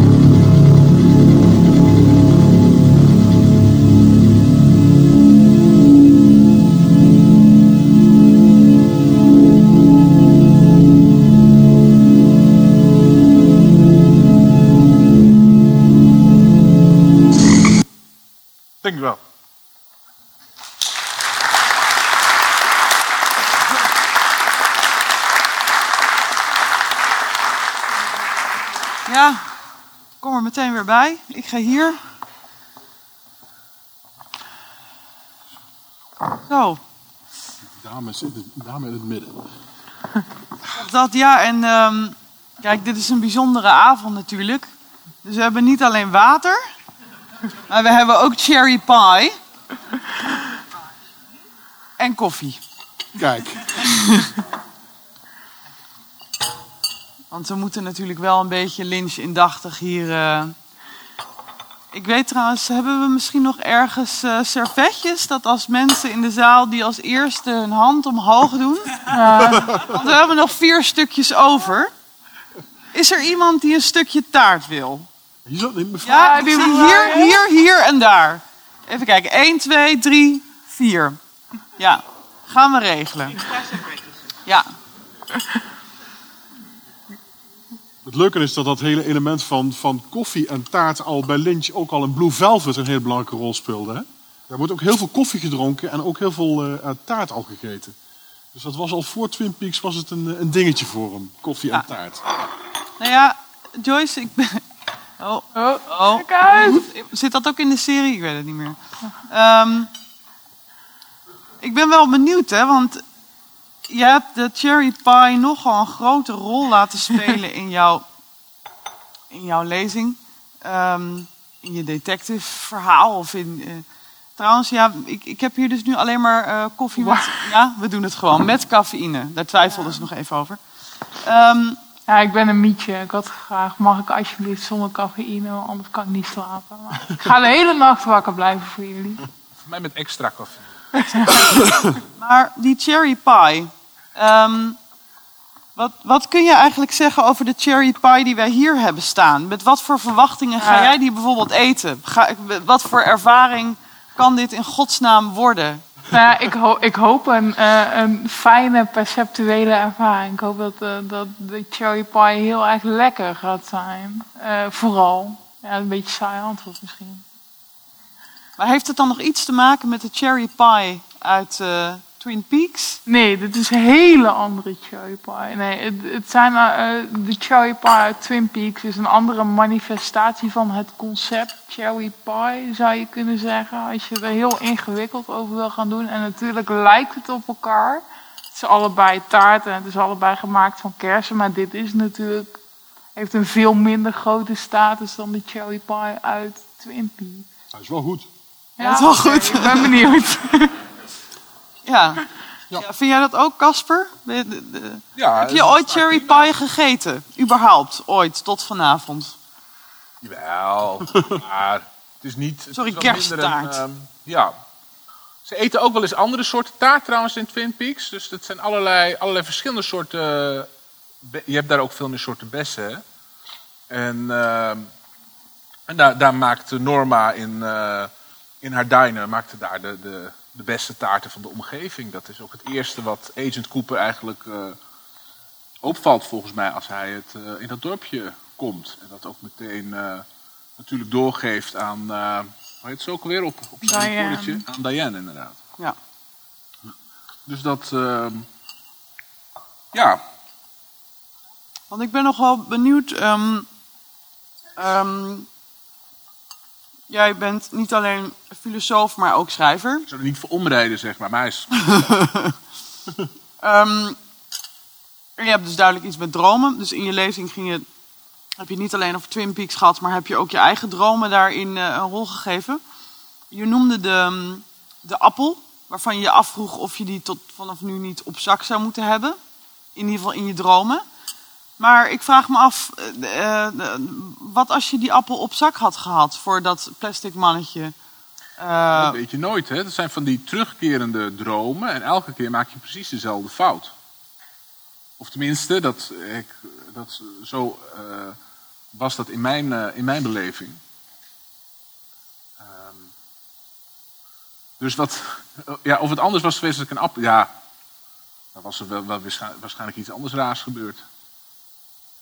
Nou ja, Uitgegeten. Ik vraag het omdat je, mm, er zit misschien het verlangen in ehm, om te begrijpen, om, ja,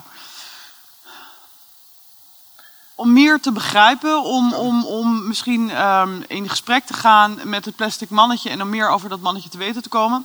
Ja. En ik vraag me af, waar is dat uiteindelijk wat je wil? Ehm, ehm, ehm, jij hebt ons heel duidelijk laten eh, uitgelegd, Joyce, of soort van duidelijk, hoe, hoe, hoe deze misdaad in elkaar zit en hoe Cooper hem oplost. Maar ik vraag me uiteindelijk af in hoeverre dat ertoe doet. In hoeverre het begrijpen zelf.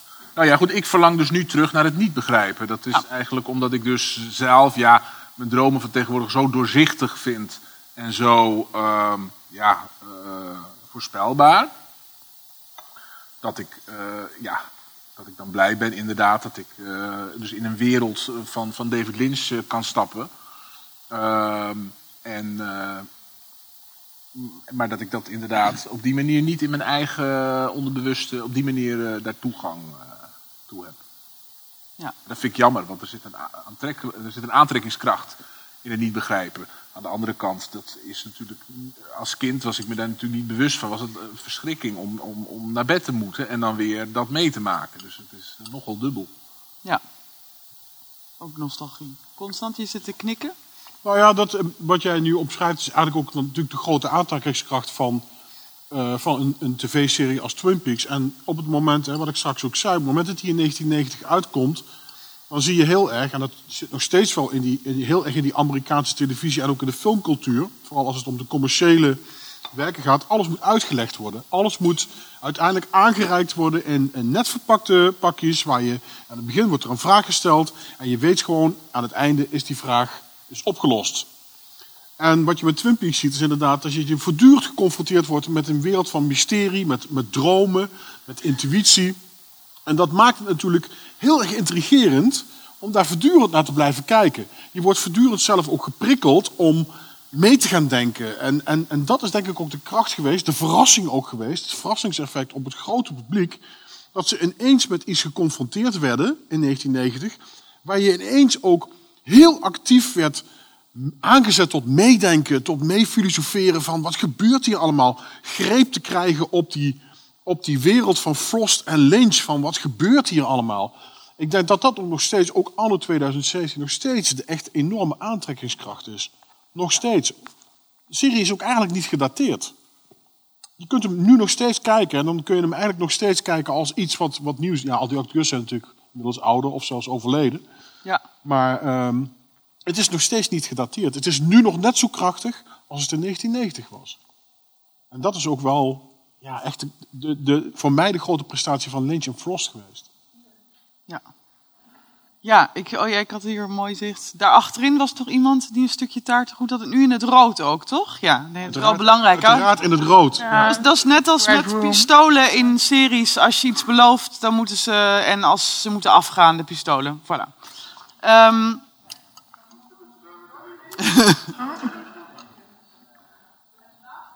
Niet vechten.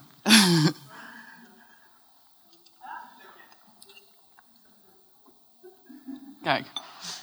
Maar ja, het, het, het grappige is dat het van de taart en, en de koffie. ehm, ja, want wij zitten hier nu lekker die taart en die koffie te drinken. Dat heeft natuurlijk voor Lynch ook. Is dat een heel duidelijke uiting van ene, enerzijds een hele tastbare, alledaagse iets wat in de samenleving gebeurt. Mensen gaan een kopje koffie drinken, eten een stukje taart. Nou, dat is wat ik straks ook beschreef, die hele brave, herkenbare bovenwereld. Maar daaronder, daar zit die onderwereld, waar de meeste mensen liever niet rond willen lopen, waar al die enge, gruwelijke dingen gebeuren. Die rare zelfkant van de samenleving met allerlei rare figuren. Hè, zoals eh, eh, Dennis Hopper in Blue Velvet. Zo'n kerel die wil je echt niet in het echt tegenkomen. Ja. Zo'n zo'n Bob, die wil je ook niet tegenkomen. Dat is die onderwereld. En dat contrast, dat vind ik altijd fantastisch eh, bij Lynch. Dat hij dat iedere keer weer voor elkaar krijgt. En dus voortdurend switcht tussen die beide werelden. En dat doet hij met, andere met koffie en taart. Ja. Goeie oplossing. Ja, maar dus eh, er is inderdaad een moment, ehm, dat, dat kwam bij jou ehm, voorbij, Joyce. Je liet zo heel duidelijk eh, zien dat Mike en Bob zijn als het ware twee kanten van dezelfde medaille. En de een noemt de ander ook my familiar. Dus je hebt het over als een soort ja, familiar, unfamiliar, heimlich, onheimlich. Dus er is steeds die spanning tussen dat wat zich boven de oppervlakte bevindt en onder de oppervlakte. Eh, kun je van daaruit ook nog iets zeggen inderdaad over dat hele idee van de ervaring? Ik bedoel, wat is het waar we in Twin Peaks bij komen, weet je wel? En hoe speelt dat, dat heimliche en dat onheimliche daar een rol in? Ik denk dat eh, we in ons dagelijks leven vooral bezig zijn met dat wat duidelijk is. Dus dat wat we begrijpen. En op het moment dat we iets niet begrijpen, dan, dan worden we heel erg geconfronteerd met: is de wereld nou stuk of zo? Of waarom begrijp ik het niet? Dan dat hele, die hele context van de hele wereld, dat holistische idee dat alles een plek heeft en dat alles samenhangt, dat valt dan uit elkaar. En dat, dat is niet fijn. Dan krijg je een beetje een naar, onprettig gevoel. Van Maar in beetje Twin Peaks vinden we blijkbaar wel prettig om nou, er dat, naar is te niet, kijken. dat is niet van ons. Dat heeft niet, niks met onszelf te maken. Ons eigen leven valt niet uit elkaar. Net als als je op de snelweg eh, iemand overreden ziet worden, dan, dan ga je daar ook naar kijken. Dat is niet fijn. Je wil niet dat het jezelf overkomt. Het is misschien ook niet fijn om naar te kijken. Het is een verkeerd voorbeeld in die zin. Maar je- het is wel fascinerend.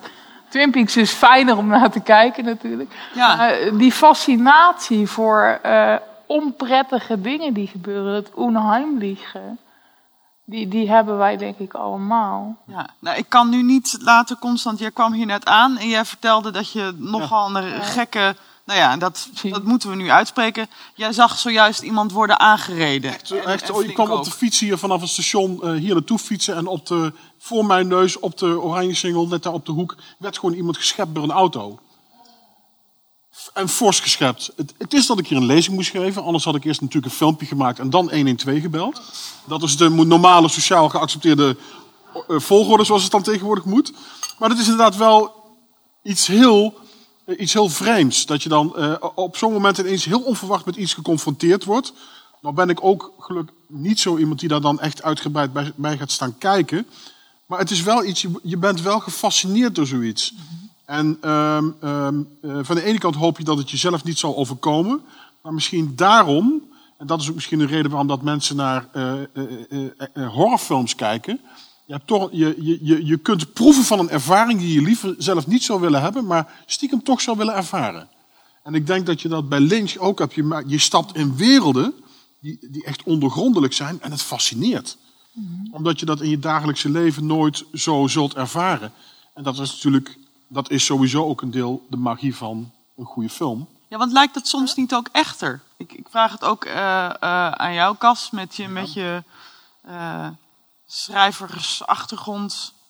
En je neiging misschien ook om in dingen te verdwijnen, in je fantasie te verdwijnen. Heeft Twin Peaks, spreekt dat op dat onbewuste niveau bij ons soms niet, komt dat niet veel meer binnen juist dan de werkelijkheid? Zegt, of is dat, voelt dat niet echter of veel te zeggen? Ja, dat kan dus inderdaad. Dat, dat, inderdaad dat hele... Nou ja, goed. Hè, Lynch komt dus ook aan zijn eh, ideeën door, door, door associaties. Dus dat ja, boort dan waarschijnlijk iets aan wat, wat hij dus ook niet helemaal hoeft te begrijpen. Waar hij kunst van maakt. En wat wij dan ook weer herkennen als we dat, eh, als we dat zien. En wat inderdaad iets... eh, ja, in- inderdaad een, een, een, een, iets diep in ons raakt. Wat, wat zo ervaren kan worden. Dat is wel... eh, maar goed, we hebben het nu veel over inderdaad dus die, die, die droomachtige werkelijkheid. We moeten natuurlijk niet vergeten dat ook een deel van de aantrekkingskracht denk ik, van Twin Peaks is dat eigenlijk de, de, dan, dan de, de normale personages, om het zo maar te zeggen, vaak ook heel raar zijn. Dus eh, hè, eh, eh, Dr. Jacoby en eh, Nadine, die vrouw met dat ooglapje. Dus het zijn allemaal rare figuren die daar eh, lady. wonen. En eh, we hebben nu steeds allemaal fragmenten laten zien. Eh, die allemaal hè, met dat spooky-achtige gebeuren te maken hebben. Ja. Eh, maar die zijn heel erg verspreid eh, over de serie heen. Hè? Het, het is niet zo dat je daar het naar zit te kijken. Dat is echt, daar word je dan door verrast als dat, als dat dan weer naar voren komt. Voor de rest leef je ook mee met al die hele vreemde mensen. Maar het zijn geen normale mensen, toch? Nee. Er zit Nou, de een is, de een is normaler dan, dan de andere. En ze hebben allemaal, er is bijna geen personage wat niet een geheime affaire heeft. Dus daar kijk je ook. Ze hebben ook allemaal geheimen voor elkaar. Ehm, en, eh, en natuurlijk eh, hè, in, in eh, de rode draad van, de, de, van Laura Palmer. Iedereen heeft ook weer iets met haar te maken waar je dan als kijker langzaam achterkomt. En wat ook weer allemaal op, op eh, eh, geheimen berust. Ja, nou, misschien tot slot, voordat, ehm, voordat ik u graag de ruimte geef, ook om eh, deel te nemen aan het gesprek. in hoeverre, eh, Constant, is dit nou eigenlijk nog een detective verhaal? Ik bedoel, het zit er allemaal in. Ehm, eh, er is een moord, het wordt opgelost. Ehm, eh, er is een agent. hij houdt er wat, inderdaad wat vreemde detectiemethoden op na. Hij doet het misschien via zijn dromen, maar uiteindelijk, nou ja, er zijn aanwijzingen, het wordt opgelost. Ehm, ja, in hoever, hoeverre is het inderdaad nog een detective? Of doet, doet dat ertoe? Ik denk dat het in, eerste instantie niet doet. Ik denk dat het een, ehm, het is een samenkomst van verschillende elementen. Er zitten, hè, waar we net, wat, jullie ook zeiden, er zitten heel erg soapachtige elementen in. Met al die, die intriges en die verwikkelingen. En iedereen heeft wel wat, wat om met elkaar te maken. Dat, waar het bijna een soort van hekeling van de Amerikaanse soap is. Maar er zit dan ook weer een thriller element in. Een paranormaal element zit erin. Het is een, een hele mooie samenkomst van allerlei verschillende genre-elementen die, die samengebald worden in iets nieuws. Wat toen heel nieuw was om dat te presenteren. En nogmaals, dat, daar zit voor mij ook dat waagstukje in. Het had ook helemaal fout kunnen gaan. Het had ook kunnen zijn dat het, als de accenten net anders hadden gelegen, of het was net te complex geweest, of te maf, te weird, Ja. dan haakt het grote publiek af. Maar er is gewoon een perfecte balans gevonden in al die verschillende ja, genre-elementen, zeg maar, die uiteindelijk het geheel van die serie Twin Peaks hebben opgeleverd. En dat, dat zie je, waarom dat het ook zo goed werkte, dat zie je uiteindelijk, dat het dus in, eh, in de film die uiteindelijk verschijnt, die wordt veel minder goed ontvangen, omdat die balans daar weg is. Wat je ook zei, daar zitten hele rare momenten in die ineens zo in het scenario, een soort van deus ex machina in, in de film komen. En dan gaat het te ver. De balans met de humor is weg, de absurde humor is weg. Hij is veel duisterder. En dan zie je dus dat het publiek eh, op dat moment grotendeels afhaakt. Ja. Niet meer zich herkent in het succesverhaal van de aanvankelijke serie. Dus die balans is heel fijn. Dat is, eh, het is een heel knap stukje werk geweest. Nog steeds. Ja. Ja. Ja. Ja, ik, eh, ja dat, dat, vind, dat vindt u natuurlijk ook, maar we gaan hier nog even over doorpraten. Ehm, er zijn microfoons, dus als u een vraag wil stellen, steek graag uw hand op. Ik zie hier al een eerste vraag, dan komt er een microfoon aan.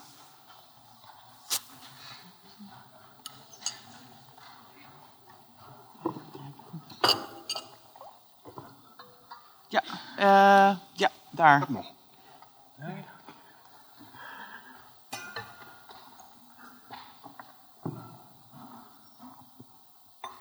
Ik heb een vraag eh, voor de heer Rex. Ehm, u haalt het verschil aan tussen eh, mysterie en geheim. Ja. En ehm, de mensen die ik ken die niet zo groot fan zijn van het werk van Lynch, die noemen hem wel eens eh, pretentieus. Of juist omdat het dus niet opgelost wordt aan het einde van de film. Ze blijven een heleboel vragen over. En zou u wat kunnen vertellen wat u denkt dat het verschil is tussen het pretentieuze en het mysterieuze? Ja. Ehm, nou ja, eh, dat is dus eh, ja, eigenlijk die, die balans eh, waar we het net over hadden in de serie. Daarin wordt als het ware met het. ehm, eh, speelt het, het mysterie steeds een wisselwerking met ja, datgene wat, wat dan dus een secret wordt genoemd. Een secret is iets wat kan worden opgelost. En waar je dus als kijker eh, ja, ook eh, mee kan doen. Hè? Net zoals bij een detective die je volgt, van wie heeft het gedaan. En er zitten aanwijzingen in en dergelijke. En het mysterie, dat zijn eh, die dingen die, nou ja, eh, zoals, zoals jij hebt kunnen aantonen, daar ook een rol in spelen. Maar die op zichzelf genomen ehm, eh, ja, net niet te, te begrijpen zijn. En ik denk dat bij de David Lynch films, ehm, ja, die kunnen pretentieus gevonden worden. Omdat eh, daarbij mensen eh, ook het idee hebben dat ze het nog zelf moeten kunnen oplossen. En niet kunnen accepteren dat het dus iets heel intuïtiefs is. Ik vind het juist heel erg niet pretentieus. Ik vind het bijna kinderlijk soms op een fantastische manier. Dat hij die, eh, dat hij die eh, eh, associaties de, de vrije loop laat. Maar dat kan inderdaad pretentieus overkomen, want zo zijn we niet gewend om naar een film eh, te kijken. Ja, ik vraag me af constant, want is, er zijn inderdaad niet veel filmmakers verder nog die werken inderdaad zoals Lynch op zo'n intuïtieve manier. Nee, die- zijn er eh, niet veel. En ehm, ook een beetje aansluitend op dat, eh, op dat predicaat van pretentieus. Ik kan, me, ik kan me dat heel goed voorstellen. Wat je altijd hebt als mensen, filmmakers of kunstenaars eh, op zich, als die een hele uitgesproken eigen aanpak of taal hebben, dan zul je altijd hebben dat er een aantal mensen die, die kunnen zich in die vorm niet zo goed vinden. En dan wordt dat ook vaak pretentieus genoemd. Ik moet ook zeggen, als je kijkt naar de ontwikkeling van Lynch, hè, dus eh, eigenlijk zijn eerste echte eigen film, dat was Blue Velvet. Daarvoor waren het dingen waar hij zijn eigen vorm niet echt in, eh, eh, kwijt kon, alleen in Eraserhead, zijn eerste speelfilm. Dat je ziet dat hij na Twin Peaks, dat hij die vorm die hij in Twin Peaks neerzet, verder gaat doorontwikkelen. En dat zie je met name tot een climax komen in films als Lost Highway en Mulholland Drive, waar hij helemaal gaat goochelen met realiteiten. En dat is zijn, zijn vorm, zijn aanpak. Waar dat op een gegeven moment doorslaat, is eigenlijk in zijn laatste film in 2006, als hij Inland Empire maakt. Daar zie je dus, en die film, daar haken ook heel veel Lynch-fans op af, omdat hij daar inderdaad voor Lynch-fans te ver doorgaat in die vorm. En het dan inderdaad heel erg pretentieus gaan vinden. Dat hij dan de film maakt op de manier waarop hij maakt om de vorm. En ik zei straks ook in de lezing dat eh, bij Lynch het heel erg belangrijk is van die ideeën die tot hem komen, die moeten op een plaats vallen. Als ze goed vallen, dan werkt het. Als ze niet goed vallen, dan werkt het niet. En wat je bij zijn laatste film ziet, is dat hij in die vorm, in die aanpak, het eigenlijk allemaal niet echt goed op zijn plaats valt. Daarom zie je dat die film ook minder goed ontvangen is. Sorry? Voor hem of voor ons? Ehm, nou, hij heeft zelf ook altijd wel gezegd dat ehm, hij heeft ook heel veel problemen gehad bij het maken van eh eh, Inland Empire, omdat hij hij was al bezig met het opnemen van de film en toen wist hij zelf nog niet waar het naartoe zou gaan. Dus er kwamen echt voortdurend ideeën en die werden letterlijk meteen vertaald naar opnames. En dat is natuurlijk een heel riskant proces. En daardoor zie je dat die film inderdaad echt ook helemaal in de ogen van veel mensen ontspoort. En toen werd die film ook heel erg pretentieus genoemd. Ik moet ook zeggen dat de ultieme vorm die in Twin Peaks geboren wordt, die komt inderdaad in, eh, in Lost Highway en Mulholland Drive, werkt die tot het optimum uit. Daarna wordt het inderdaad discutabel. ja. ja. En ik zie meerdere vingers. Ik ga eerst naar jou vooraan en daarna naar.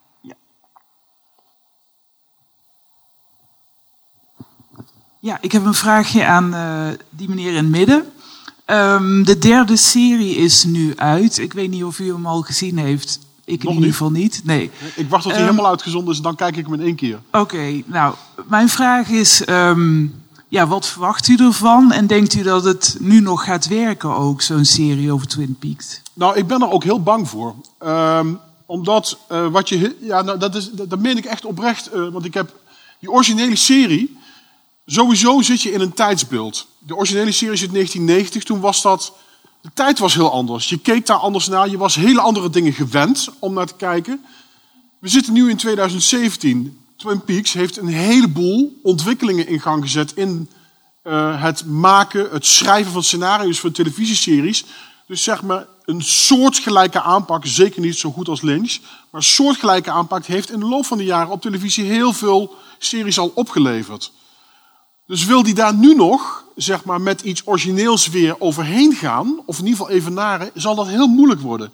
Omdat wij natuurlijk, hij heeft de lat zo hoog gelegd met de originele Twin Peaks serie, dat het heel moeilijk is om dat, dat gevoel uit 1990 nu nog te evenaren. Daarnaast heb ik ook altijd zo, en dat is hetzelfde gevoel wat ik bijvoorbeeld had met Trainspotting. Die originele Trainspotting, dat is, die staat hier. Echt hier. En die tweede Trainspotting is een leuke film, maar het gevoel van die tijd is weg. Het is een andere tijd. Je, kunt niet, je moet niet tornen aan een klassiekerstatus. En, en ik ben ook heel, heel bang, en ook redelijk gereserveerd, eh, als ik eh, eh, me nu uitlaat over die nieuwe serie. Want ik ben bang, ik hoop dat het echt heel goed is, maar ik ben er heel bang voor. Dat hij, dat hij zijn eigen succes, zijn eigen mysterie, zijn eigen status gaat afbreken. Het is David Lynch, maar goed, hij heeft 2006 heeft hij eigenlijk niks meer gedaan op het gebied van film of tv. Dus dat is ook weer eventjes even wennen. Ik hoop het. Ik denk met een heleboel mensen hier in de zaal overigens. Ja. Ik ook. Ik ben dan wel eigenlijk benieuwd, hè, voordat we doorgaan naar de volgende vraag. Wie van u hier is al begonnen aan het derde seizoen? Oh, dat zijn er een hoop.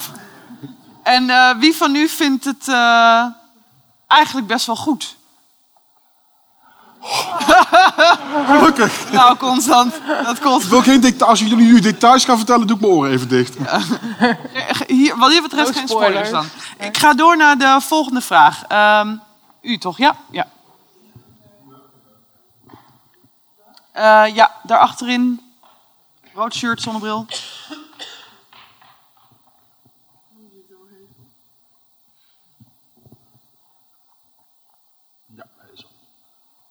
Nou ja, mijn vraag ging eigenlijk ook over seizoen 3, dus die is nu een beetje niet meer relevant. Eh, dus ik wil alleen maar zeggen, het is, meer, eh, het is meer Inland Empire Lynch dan klassieke Twin Peaks Lynch. Dus als je iets hebt voor Inland Empire, dan is het interessant om te kijken. Oké. Maar ik heb dus eigenlijk geen vraag meer. Het intrigeert wel. Ja, ik heb wel het idee als ik daar nog. Want inderdaad, we hadden afgesproken. we gaan het niet over seizoen 3 hebben. We willen niet eh, hè, mensen die dat nog willen zien eh, spoileren. Maar ik, eh, ik heb wel het idee, want David Lynch heeft wel gezegd dat hij hierna met pensioen gaat. Dus ik zie het meer eigenlijk als een soort poging zijn oeuvre te voltooien, dan dat het echt probeert de nostalgie of de sfeer op te roepen. En dat vind ik er inderdaad fantastisch aan. Maar goed. Als het een mooie serie is, inderdaad, hij is heel goed, zou het een hele mooie eh, afronding van in ieder geval zijn gevoel kan je Ja, dat, heleboel gevoel, eh, dat gevoel heb ik erbij in ieder geval, tot dusverre. Oké, nou, hoopvol. Ehm, zijn er nog andere mensen? Daar helemaal achterin, denk ik, toch? Ja, dat kan ik bijna niet zien, maar eh, net. microfoon komt eraan. Ik heb een vraag voor Joyce. Eh, Joyce. Hey Arjen. Hey Joyce. In, eh, in de fenomenologie is het, een, is het een debat of je nou echt eh, iets leert over jezelf en over onze relatie met de wereld eh, aan de hand van staren naar doodnormale dingen, zoals koffiekopjes en cherry pies die echt bestaan. Of dat je pas echt iets leert wat waarde heeft door grenservaringen met drugs en heftige, heftige kunst en onheimliche vormen van theater. Ja, de dood vooral. En eh, omdat die twee in jou, wat jij zei heel erg samenvallen, eh, samen leken te vallen, eh, vroeg ik me af waar jij staat in dat debat. Ik denk dat je het een niet kan zien zonder het andere. Dus precies die dagelijkse ervaringen. Dus het feit dat je taart aan het eten bent en koffie aan het drinken bent. op het moment dat, weet ik veel, eh, er in één keer een stuk steen in jouw taart zit. Dan, dan wordt de ja, illusie, wil ik het niet noemen. maar het idee dat de wereld één geheel is. wordt doorbroken, want het past niet.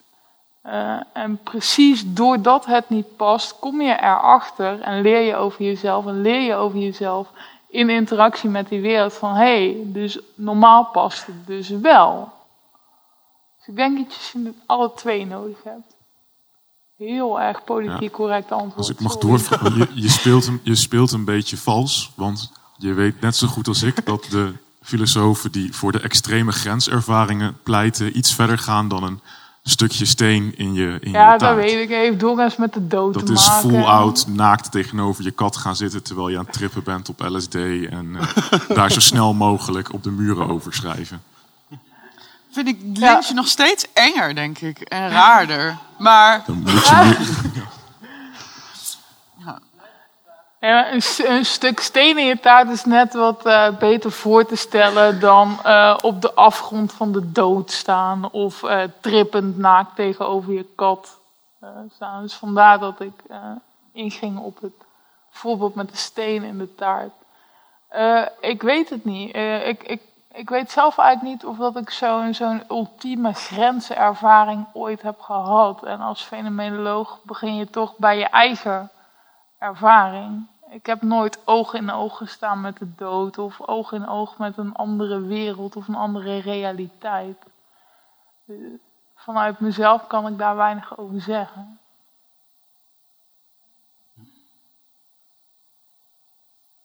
Wie kan ik nog meer het woord geven? Is daar, gaat daar een hand omhoog? Jazeker, daar ook weer in het donker achterin. Eh, achterlangs komt de microfoon naar je toe.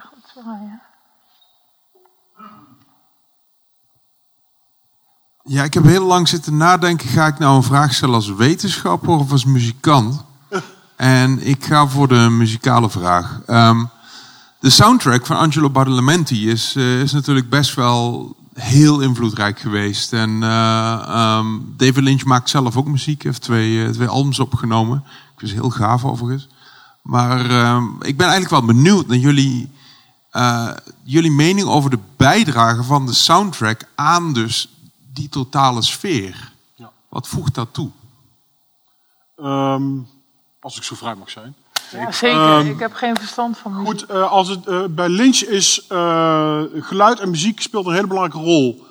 Eh, met name, ehm, daar moet ik ook nog bij vertellen, Lynch is heel erg geïnteresseerd in, eh, in industriële settings en geluiden. Je ziet bijvoorbeeld in het beginfilmpje, wat we net ook van Twin Peaks zagen, dan zie je ook al bijvoorbeeld dat die radarwerken die geslepen worden met al die vonken. Vonken, stoom, industriële settings en geluiden, die vindt hij heel erg interessant. Als je naar heel veel films van Lynch kijkt, dan hoor je op de achtergrond vaak zo'n zo'n brom, zo'n zo'n onder, zo'n zo'n onderbuikbromtoon. En hij, ehm, hij compenseert dat vaak ook weer, want dat, dat creëert natuurlijk een heel naargeestig onderbuikgevoel. Dat componeert hij, eh, compenseert hij vaak met enorme crooners. Wat je ook in een van de scènes die jij had meegenomen, die zanger, die dan uitgebreid begint te zingen. En dat zijn meestal van die jaren 50 crooner liedjes zijn. Dat, zie je in Blue Velvet, zit er ook een hele belangrijke scène. Dus daar zie je ook weer dat contrast van de, de mooie, de, de, de, de schone bovenwereld met het contrast van de onderwereld. Dat zie je in de muziek en het geluid hoor je dat vaak terug. Eh, wat je in, eh, in Twin Peaks heb je ook enerzijds die hele zoet muziek van Angelo Badalamenti, die, die hele lekkere jazzy muziek, die in die rare vreemde sequenties ook vaak een, een hele rare, vervreemdende werking krijgt. En ehm eh, Badalamenti is ook eh, die is in contact gekomen met Lynch bij Blue Velvet al. En eh, omdat Lynch heel goed aanvoelde dat Badalamenti zowel die boventoon, zeg maar van de bovenwereld, die, die, die zoete muziek, kan verkla- verklanken zeg maar, in de film, in de, in de filmscore. Maar ook die onderlagen van de, van, de, van, de, van de wereld waar Lynch zich in beweegt, ook kan verklanken. En dat zie je in Twin Peaks heel erg, of hoor je dat heel erg goed terug. Dus die keuze van Badalamenti, die ook heel vaak heeft samengewerkt met eh, Lynch, dat is ook inderdaad een, eh, ja, een match in heaven. En het grappige is, en je, je refereerde inderdaad aan die muziek van Lynch zelf, van Blue Bob, is dat die samenwer dat samenwerkingsverband. Als je die muziek hoort, dan hoor je eigenlijk een score, een filmscore die je zo onder de films van Lynch zelf kunt leggen. Dat is echt muziek die past zo eigenlijk in zijn films. Dat is heel bijzonder om dat eens een keer te beluisteren. Het staat ongetwijfeld op, eh, op YouTube of op eh, Spotify, dus luister het maar eens. Als je, als je dat, het gevoel wat je bij die muziek krijgt, dat vertaalt zich direct naar het film- en het televisiewerk van, eh, van Lynch ook. Dus er zit een hele duidelijke... Ook dat maakt deel uit van het eh, Lynch-universum. Dus eigenlijk hebben we niet alleen te maken met, met achter Lynch nog Frost, maar eigenlijk achter Frost ook nog die Badalamenten. Ja. Die moeten we niet vergeten. Het, het is, het is, eigenlijk kun je zeggen dat eh, grote regisseurs, als ze eh, bij een bepaalde aanpak van hun film natuurlijk, die hebben bijna altijd een goede relatie met een filmcomponist. Kijk maar Steven Spielberg met John Williams, eh, Alfred Hitchcock met Bernard Herrmann, ehm, eh, David Cronenberg met Howard Shore. Dat zijn allemaal, he- Sergio Leone natuurlijk met Ennio Morricone. Dat zijn allemaal hele intense samenwerkingen. En dan zie je ook in de film, en je hoort het ook in de film, dat die op gelijkwaardige wijze met elkaar samenwerken. Lynch vindt de muziek van Badalamenti ook heel belangrijk. Het is niet zo van, ik moet nog een muziekje hebben, wat bij mijn beelden hoort. Nee, het is, een het, het, hoort, het is geïntegreerd in het, in het verhaal vertellen. Daar hoort het thuis. En dan werkt het ook heel erg goed. Het is geen, geluids, eh, geen eh, opvulling van stiltes. En dat werkt. Blijkbaar. Dankjewel. Ja? Is er nog een laatste vraag? Wie wil die? Echt niet? Dan neem ik hem. Ehm, volgens mij zei jij in je lezing dat het dat je op een bepaalde manier zelf aan de slag moet ook. ermee met Lynch. Dat is dan de kracht van cinema, de power of cinema. Eh, ik zou aan jullie alle drie willen vragen: kunnen jullie één personage, scène, iets noemen eh, van Twin Peaks dat jullie het meest bij is gebleven? Dus dat, eh, ja, waar jullie misschien een bepaalde manier mee aan de slag zijn gegaan. En een, misschien een korte duiding proberen te geven van waarom. Dus het mag misschien onbegrijpelijk zijn, maar we gaan het even. Nou, voor, mij springt, voor mij sprongen echt meteen al toen ik de serie de eerste keer zag, die scènes in de Red Room eruit. Met, het, met die rare, die rode gordijnen met dat rare, dat rare patroon op de grond. En dan met dat, die Michael Anderson, dat kleine mannetje in dat rode pakje. Dat achterstevoren uitspreken van die teksten. En dat op een gegeven moment ook dat raar, wat ik straks ook zei, dat rare dansje wat hij op een gegeven moment gaat doen met die fantastische muziek van Badalamenti. Toen had ik echt zoiets van, wauw, dit is echt, uh, wat, wat, wat, wil Lynch hier communiceren? En toen, dat, toen gingen echt mijn gedachten ook meteen op hol van, oh, hier zitten allerlei clues in. Dit is heel belangrijk in de serie. Toen, toen ging ik echt, echt aan het denken. En? Ik denk er nog steeds over. Ja.